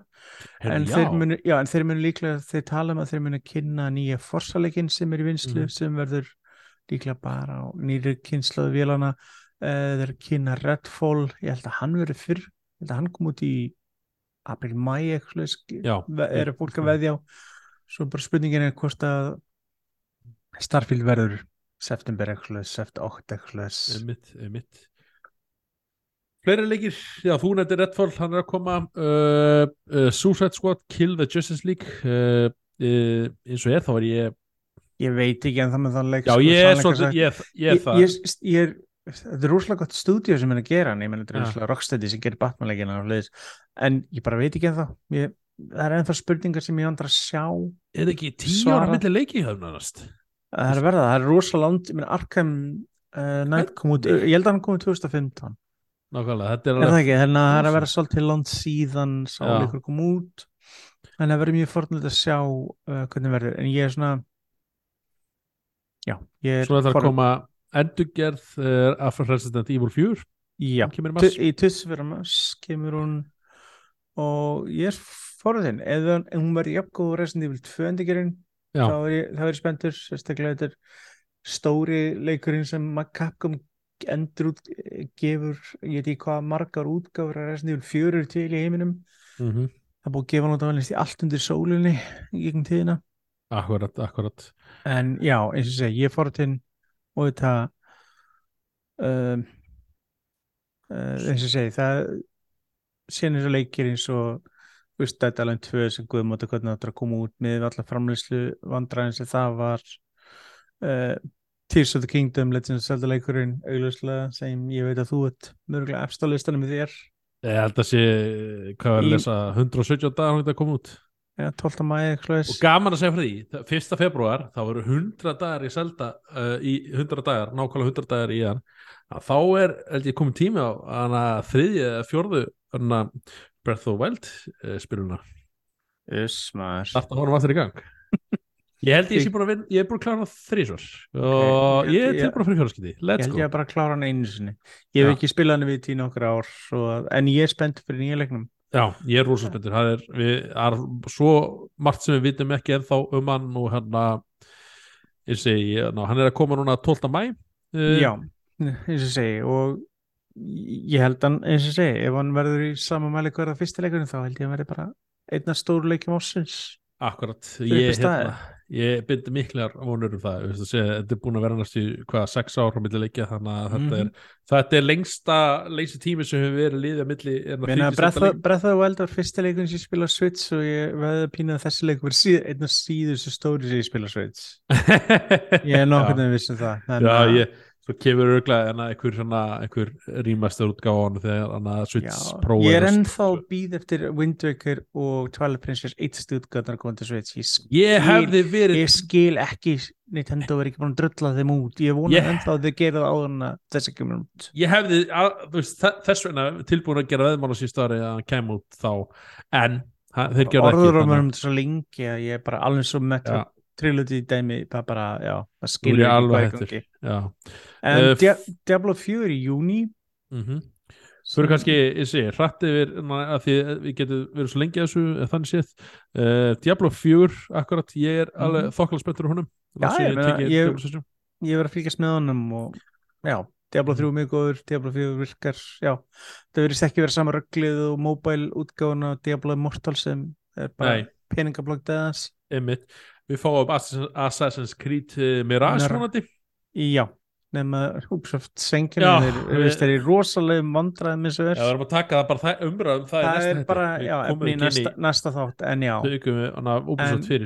þetta er svona helstu leikinir sem eru staðfestir eins og er. Já. síðan auðvitað þegar líður árið þetta koma fullt í ljós Baldur's Gate. Automa Automatic Hearts uh, Lies of Pi þetta er svona nokkru leiki sem hana uh, með svona dettur helst í hug. Uh, fyrir kannski svona, já hvað, hvaða leikar þú mest spenntu fyrir hérna svitna á þessu ári? uh, ég myndi segja Starfield. Já. og Stalker 2 en ég veit bara ekki hvort hann kom út. Ég vona hann kom út en með ástandi í heiminum og með við stúdíóður statsett í Úkrænu þá, já. Ég, Hann er aðeins byrjað líka við svona, Já, aðeins ég, svona þeir, voru, þeir voru að byrta nýtt vídeo núna um daginn og, og spiluleiknum og það leit reikalega vel út og allt sem ég hef heyrt um leikin er svolítið gott bara, já, ég er bjassið með leikin ég bara, þú veist, út af öllu sem er að gerast þá veit ég ekki hvernig hann kemur út en ég er mjög spenntur fyrir honum þegar hann kemur út og ég Nákvæmlega. hlakka til að flega peningum í áttina til þeirra þegar hann kemur út En þú Bjarki, er eitthvað leikur sem þú svona uh, hvað býðist mest spenntur yfir á þessu ári?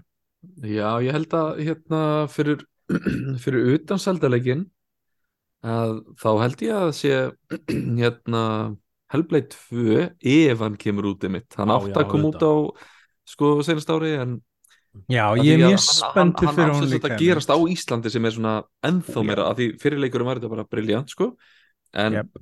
uh, að þessi gerist líka bara á Íslandi er einhvern veginn svona ekstra mikið flottar í sig þannig að ég er alveg, alveg mjög heitur fyrir honum sko. Já, ég er, eins og segi, vonaði setna í vor þá fáum við nánu kynninga á leiknum og síðan hvernig hann kom út. Mm að ég er mynd mjög spennt fyrir hann líka. Mér finnst fyrsti leikurinn frábær og þannig að mér lakka til að sjá hvað er gera með framhaldið og peningana frá Microsoft. Akkurat. Ég hérna, já, ég þar held ég ekki nefna það annað en Zelda. Ég hana, er, er rosa spenntur fyrir honum og er búin að býða allt og lengi eftir honum uh, ég hlakka rosa til að, þess að segja, mér fast en að uh, æðislur Wild 1 og alls ekki gallalaus en að ég var svo hlakka svo til þegar þeir sögðu að vera að koma fram að þessu leik. Ég vona bara við meiri saga í þeim leik. Sko með einast mjögast að Já, frábær. en, en hann var svolítið þunnur á sögu frábær gameplay, þunnur á sögu. tweak að spilun líka og, og þessi, hvað er hægt að gera betur og bæta það sem þeir hafa nú þegar í höndunum. Já, og fyrir utan hann eins og Bjarki segir þá hérna uh, eins og ég, spenntu fyrir Diablo uh, er kannski líka Spiderman 2 Marvel Spiderman 2 hann er kannski svona stærsti frá Sony myndi halda á þessu ári. Uh, sem við vitum að það allavega. Og eða, hann er áallar í ef, haust. já, ef hann kemur út á þessu ári.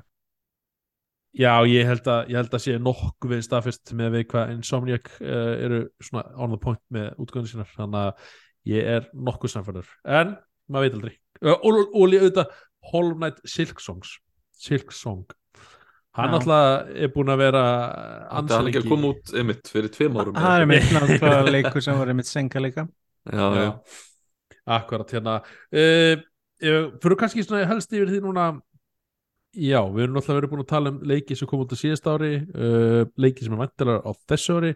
Uh, Bjarki, þú já, hvað hérna hver var svona toppurinn á síðast ári en myndu, ertu með topp þrjá lista tilbúin hjá þeir eða? já, já, ég er alveg búin að vera þessu Gekkja, hver er svona þriðisætti? Hver er þriðisætti uh, þriðji besti leikur sem þú spilaðir á síðstari? Ekki, ekki sagði um gaggrínið til en bara hvað þér fannst þarna Það sem fannst sko, sem kemur út á að því til dæmis ég er ekki að taka með Last of Us Part 1 Nei, ok, Nei, nei, að, að ég, mér finnst það ekki alveg sangjætt sko Nei.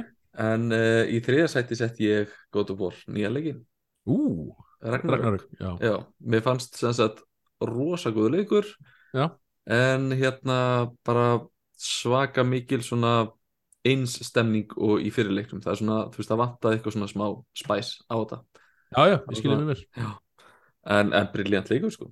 En þú sveik, Eh, ef ekki taka eða, ég veit Jú, ekki, jú, vorum jú, ekki komin gerum þetta svona, þetta- það er gaman Höfum svo þriðisætti hérna á alla og svo hérna tökum við annan á fyrsta. Mhm. Þannig að, já, um, Ég myndi segja Horizon Forbidden West var þriðsætið mér. Já. Þú spilar hann alltaf þú, Kláraðar þú ekki áður en eldur innkom?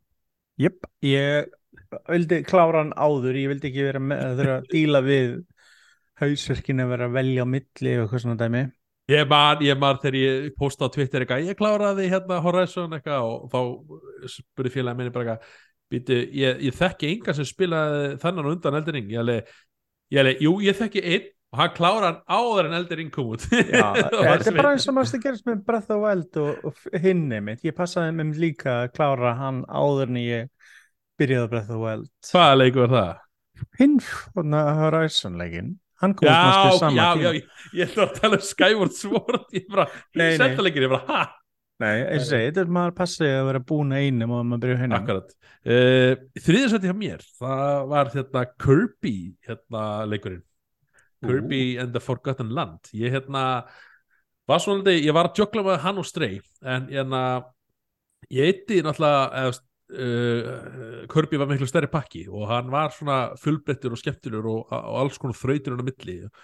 Og, og það voru alveg hverning til að fara og spila verðurinn aftur og, og svona klára hérna Uh, í samtallu, já, það sem að hafði. Og, hann kom með skemmtilega óvart með þess að segja, þú hana, gliftir hérna ákveð hluti svo hérna keilu, hérna sem fyrir keilu og, áttur að nota hana sem hérna eitthvað svona þraut og, og alls konar. Ég, veist, það kom mér svona óvart og hann var bara svona skemmtilegur uh, svona, svona fjöls, ekki fjölskyld jú, fjölskyldur krakkalegur sem ég held að það er hægt að spila með þessu two-player. Og þannig að það er hana, úst, það er gott fyrir peningi í þeim leik og ég bara mæli með þannig að eða eða svits og hefur alltaf eitthvað að spila og eða þannig ekki þá er Kirby alveg málið. Þannig að annars setti Bjarki þá bara tekið ógeðslega undir hjá þér og uh, nefni Kirby and the Forgotten Land. Já, mér fannst hann actually ég hérna var alveg í smá dilemma með sjálfum mig og bara horfði í speil og segi Bjarki, ertu að fara að setja Kirby fyrir ofan God of War? Er allt í lagi, er allt í lagi? En, en það, það var bara það, það var bara þú veist ég held að maður sé orðið það góðu vanur þetta er svona pínu væpi sem ég fekk með God of War Ragnarök er svona eins og hérna þegar maður er búinn að horfa á átta Marvel myndir, þú veist, þetta er geggjað dæmi en þetta er orðið svona hei, getum við ekki aðeins svona kryttað þetta aftur? En Kirby, ég fekk bara aftur einmitt góða nostalgíu, mér leiði eins og ég verið komin nú er komin í Nintendo stemningu uh, bara, þetta er quality Nintendo stuff, myndi ég segja. Mm. þannig að ég bara, einmitt, hann er búinn að fara yfir þetta og hann er í öðru seti á mér. Já, akkurat, og, og bara nefna það, þú veist, og sé, Pokémon kom út á síðast ári og, og hvað hann var hrifs, hrifsar og, og, hérna, og vantaði mikið upp á hann til að slípa hann annað, en þá kemur, eins og sé, Kirby bara út fullkláraður full, full hana, Nintendo leikur og bara, já, vel, vel slípað svona, eins og já, bara lítið sem er ekki buggar, sko. Enda kalla bardagar final bosses, alveg indislegir líka Já, og rosalega erfir ef þið fari í allar erfasta, þá er ég bara svitna sko, þetta er alltaf það er, það er allir, allt í þessu og maður er Mm. alltaf fyrir að ná öllu svo, svo. en þú sveit, hvað hérna letti í öðru sætti þér? Það voru strákarnir frá Asgard Asgard Já, frá? As Asgard Það Eins og voru- hérna- Það voru feðgarnir frá Asgard eins og segir inn í fyrsta leikin fyrsta leiknum þegar Sindri og hérna tala saman hérna Anna uh, hver er Sindri og, og hérna Atreus þannig að vittnar í móðurtungumáli eða það sem jöttanir tölu madurinn sem gengur ígin vegum Á, hans Já, þegar maður var að hlusta bandarækjum tala Reymir var dulur Já, þetta þetta byrja þannig að Sindri segir hérna She even spoke in the native tongue. She said, madurinn sem gengur eigin vegum hans Svo kemur að treyst, gengur æn Oh, you speak the language? Alveg bara, ah, Já, þegar bara var að segja við hérna Úlfin, hérna, sáttu maður bara Sofna. Já, kom, kom ekki líka þarna kom ekki líka þarna deyja fíu og frændur? Já, já, líka já. Það, ég fekk smá gæsuðu sko. Já, mér Já, fannst mér- mjög fyndi oft þegar maður var að heyra Já. eitthvað svona dót. Þetta var hérna en eins og sé, frábæleikur virkilega vel gerður byggð á öllu sem maður gerða ég held að eina sem maður fannst ef maður er að nýttpeka maður svona fjaka tilfenguna að þeir flýttu sjöld með söguna til lokin maður búin að heyra orður maður er þriðileikur sem stittur þenni í tvoleiki trilogi, duologi ah, en allt svona yfir heildina frábæleikur og en vel þessi við að spila og Akkurat, akkurat hérna. Uh, Öðru sett ég mér þá hérna er það bara sama hérna á Sveitsaði í þriðsæti, það er hérna Horizon For- Forbidden West. Þetta er svo leikur sem ég eitti hvað mest tíma í á, á allu síðust ári. Það voru einhver yfir 90 klukkutímar.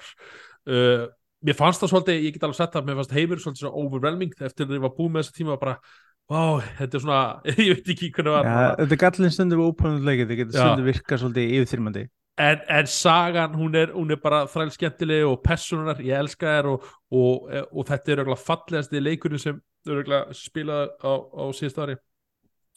Með allt það og, og ég er bara voða gaman að hana söguna eil og þó að endaði svolítið svona já ok, þeir greinilega, já ætla einhverja, einhverja ákveðna leiðir og hérna, spóila hérna fyrir mm. en allavega, þú veist, og nú er að koma ekki framhald en það er að koma aukapakki á, á, á næsta ári. Uh, uh, já, Það það að koma VR leikurinn en síðan þegar VR, ekki á líka en við erum að fá tvöfaldar svona skamt af Call of the Mountain.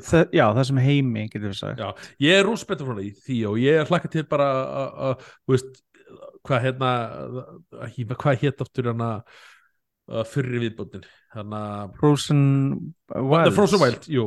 Ég, veist, það, ég spila hann miklu setna og hann var bara mjög þjættur já uh, góður. aukapakki, örgulega svona 15 klukkutímar aukalega, En ma- maður þess að segja, ég var mjög gladur að þarna, já, en það er líka aðtryggsett við viðbótin fyrir uh, Horizon verið bara á PlayStation 5 ekki PlayStation 4 nákvæmlega góða punktur, góða punktur. Ég ekki, var ekki búin að, en að eftir ég var búin að sjá það en var búin að glemma því, en allavega ég er spennt fyrir því og bara, veist, og bara er svo heillara personunum í þessu og mér varst það líka að gera miklu meiri góð, betri skil, ég, mér var alveg saman personunar einhverjum í, í, hérna Zero Dawn, en með svona fekk að svona aðra hliðar á þessu og, og, ég var miklu meiri investið, þannig að Horizon uh, fær annarsæti hjá mér og þá komið að fyrsta sæti í, hjá þér Bjarki Mér líður pínusun eins og við gætum mögulega gert uh, tilraun hérna Já, og sagt, sagt, sagt hérna sko fyrsta sætið allir á sama tíma við höfum þetta ekki að sé listan hjá okkur öðrum. Nei. en uh, það er nefnilega einn uh, einn hérna sem við höfum ekki nefnt, ég veit ekki hvað, ég að segja allir á sama tíma eða á ég að segja? Komdu með það, bara Ok. þú. Ég segi Elden Ring, Ú, Eh, já já.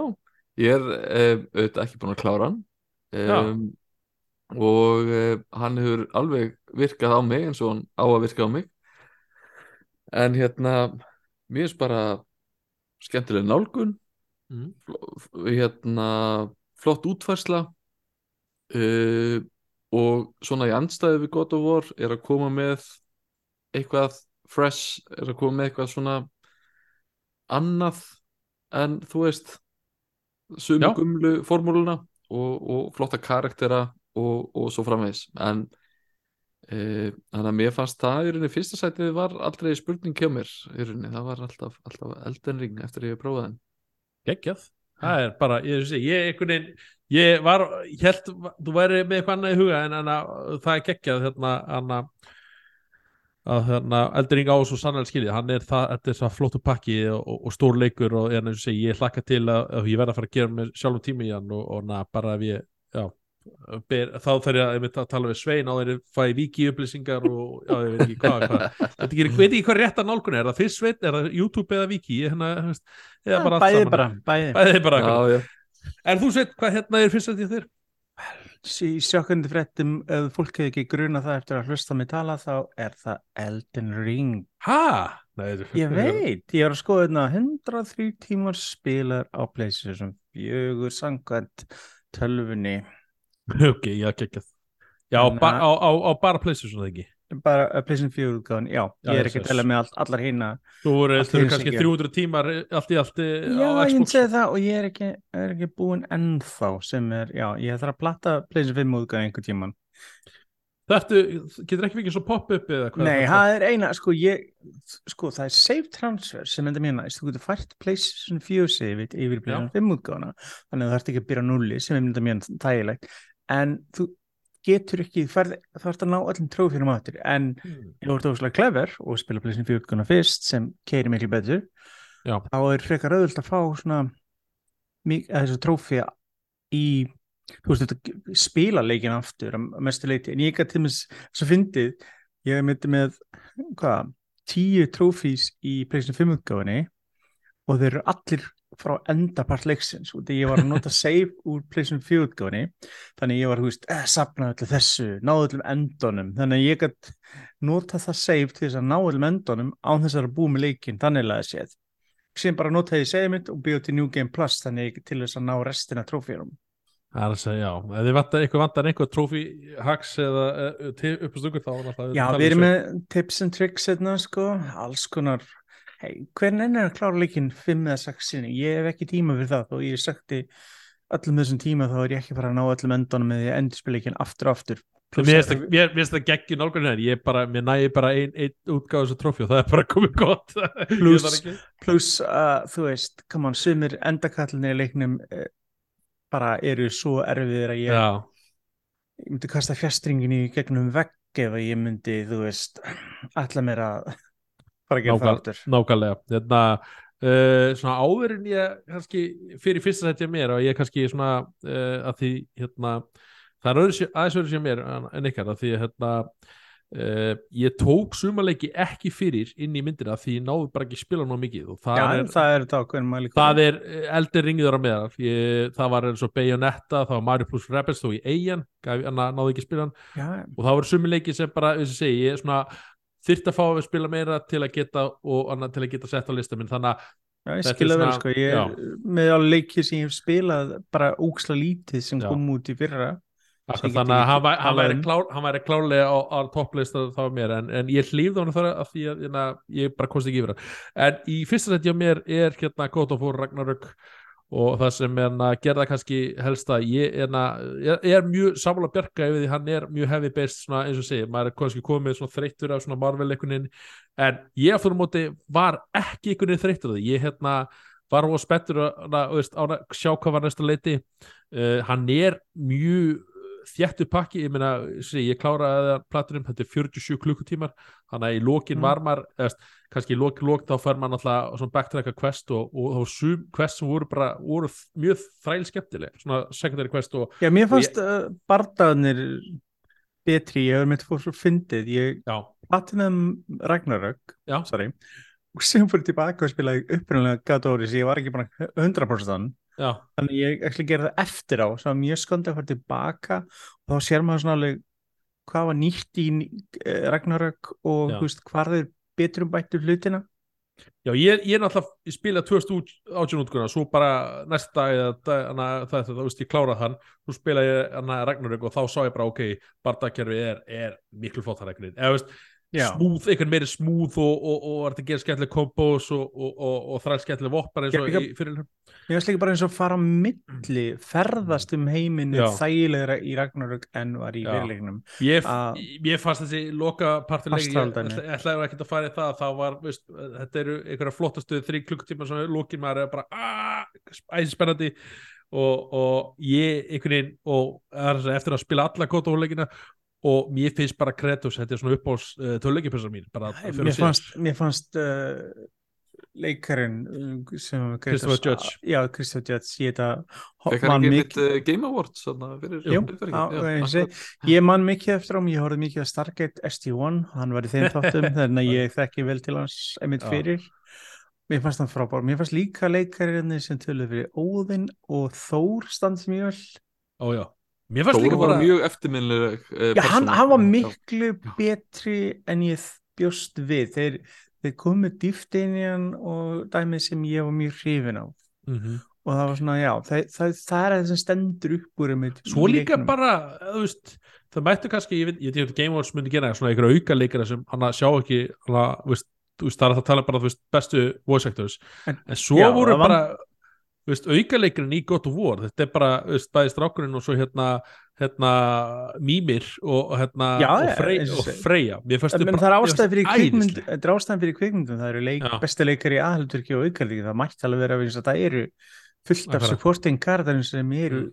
virkilega góðir og, og já, bara rétt eins og, og, og þau veist Bjarki sagði, þú veist, en að, veist, já, hver er betri eða þú veist, eitthvað þannig, þú veist, 2018 náttúrulega 2018 útgáðan, hún náttúrulega setti grunni fyrir það sem þetta er. Já, sem Og- var og- svona reboot og- af seríunni eftir svolítið marga og- leiki.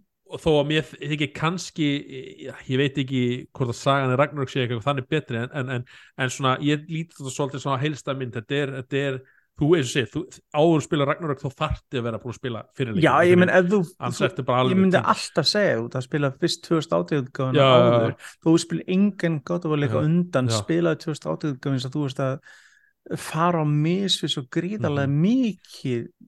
Tilfinningar, það eru þemur í fyrsta leiknum sem koma inn í setnileikin Mhm. og í samtu sögun og fleira sem, ég veist, vil ekki spilla það fyrir fólki en þú veist, það eru ákveðnir elementar í sögunni með Kratos og allt svolítið sem hefur komið fyrir Mhm. hann Akkurat. sem þú missir af og hvað sinni þú ert búin að spila hínaleikina þá farðu líka fullt í þessast fullt af, ég man að það var ákveðni partar eins og 2018 sem þú veist, út um að búin að spila gömleikina og þú veist, þegar hann var að undir lokin með hann að Blades of Chaos, þú veist hvað ég er að fara Aha. svona sterkur tilfinningaleg partur sem svona, þú veist, út af maður að spila hinleikina og bara, þú veist, þú fannst fyrir Mhm. þingslunum á karakterinum Einmitt. þessar Það- sögu það er líka einhvern veginn með hérna eins og Elden Ring, hann er svakalega góður, ekki fyrir alla God of War, Ragnarök er svakalega góður og eiginlega fyrir flesta þannig að það er líka stór munur er, þetta er rosalega solid og góð afþreying sko. Já, ég menn, þú getur mælt með honum bæði fyrir fólk sem er bara gaman að hasalegjum já, og síðan hvað það er að gaman að,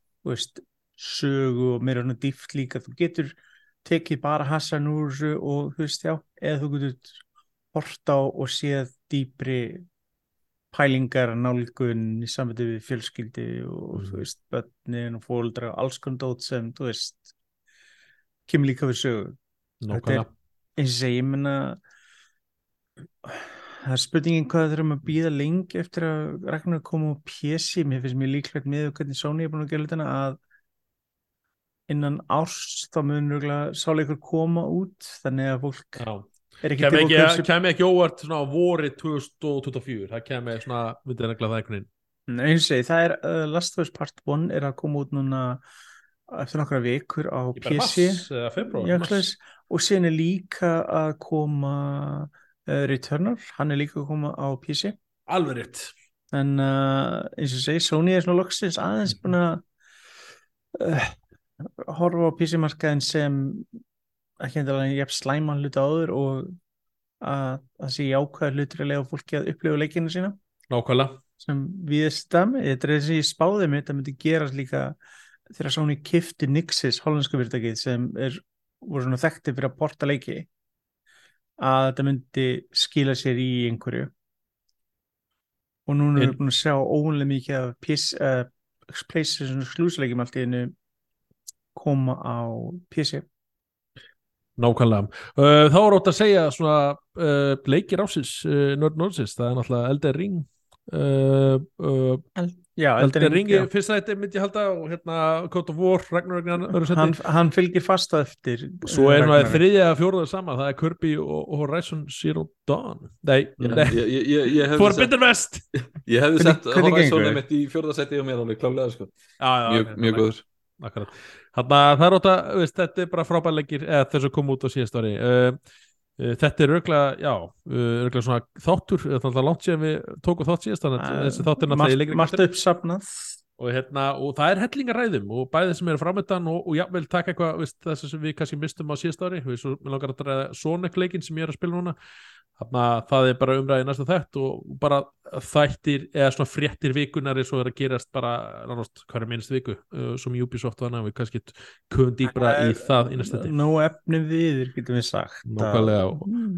og við stefnum að vera með allavega vikulega þátt og, eða bara svona allavega uh, reglulega, segja það og Reglulega er svona miklu sang, uh, betra að segja en já, Já, já, ég, það er- getur ekki lofa neinu en, en, en reglulega, það er hana Já. leikjarpið svona komið aftur. Ekki, á, se- ekki á sex mánuða fresti minnst Nei, ég er að segja. Uh, Ég bara þakka fyrir hlusturina í, já, fyrir þennan þátt og bara voruna því njótið og bara getið haldið áfram að hlusta á leikjarpið sem kemur vonandi uh, ekki langt úr liðið er það ekki? Já, Ég og kannski þú glemdir einu ég, ég var að nefna fyrir eitt Glemdir að taka fram nú hvað þáttur þetta er Ég hef ekki hugmynd um það ég veit það, ég veit það ég, tek, ég tekkaði Ok, vel gert. Þa, þáttur 44 44, 44, já Þetta er hérna, já, þetta er hérna sletta, það er rétt þér, ég var einmitt að tjekka því svo stingliti ég kíkja um mig. Það eru 44. þáttur, þannig að það er ekki langt í liði þegar 45. eða, þáttur. eða fyrir. fyrsti þáttur á season 2 ég veit ekki, hvernig vil það hafa þetta svona, Já, það ekki, season 2, 3, ég, er, er einhver að telja? Nei, nei, En það, það má nú alveg hérna sjáta á þetta gott starf sko hérna uh, tölvuleikjaspjallið. Þeir eru þetta líka með hlaðvarp og, Herri, já, og, Ég fór og og mjög, mjög ég fór og í hérna, þátt til þeirra í, í hérna, þegar gott að vorkom. já, akkurat, akkurat, mjög góðu þáttur. Þáttur, mæ, mæli með honum Já, mjög bara skemmtileg. svona að- datt í huga því að við erum búin að vera í sex mánuða hérna uh, fullorins leifi mm. Já, akkurat, þannig að það er frá, frábært það sem þeir eru að gera og Já. ég, ég ber miklu virðingi, ég sagði við það bara þetta hvernig unga fólk þið- er svo döglegt Já, já, þið gerir þetta hver einu viku, ég bara, vá, þið fóð mér full respect og hérna, Já. uh, já, og svo hérna, þetta er bara spennandi og endilega tjekkið á þeim þáttum og, og já, ég býst ekki við þeirri þeirri, þeirri börn uh, jú, jú, það, ég veit það, þannig að uh, allavega annar þeirra, þannig að þeir er að geta einhvern veginn fókusræðið þessu, en best ekki ekki hjá þeim. Og þannig að þetta tekur tíma og þetta er vinna. Og er þessi, það. Eh, Ég voru að komast að því og hérna sérstaklega eins og segi þá hér gekk skóli fyrir uh, hann er búinn, þannig að það var flott mál. Uh, bara takk fyrir mig, verið sælasni Takk fyrir mig. Bye bye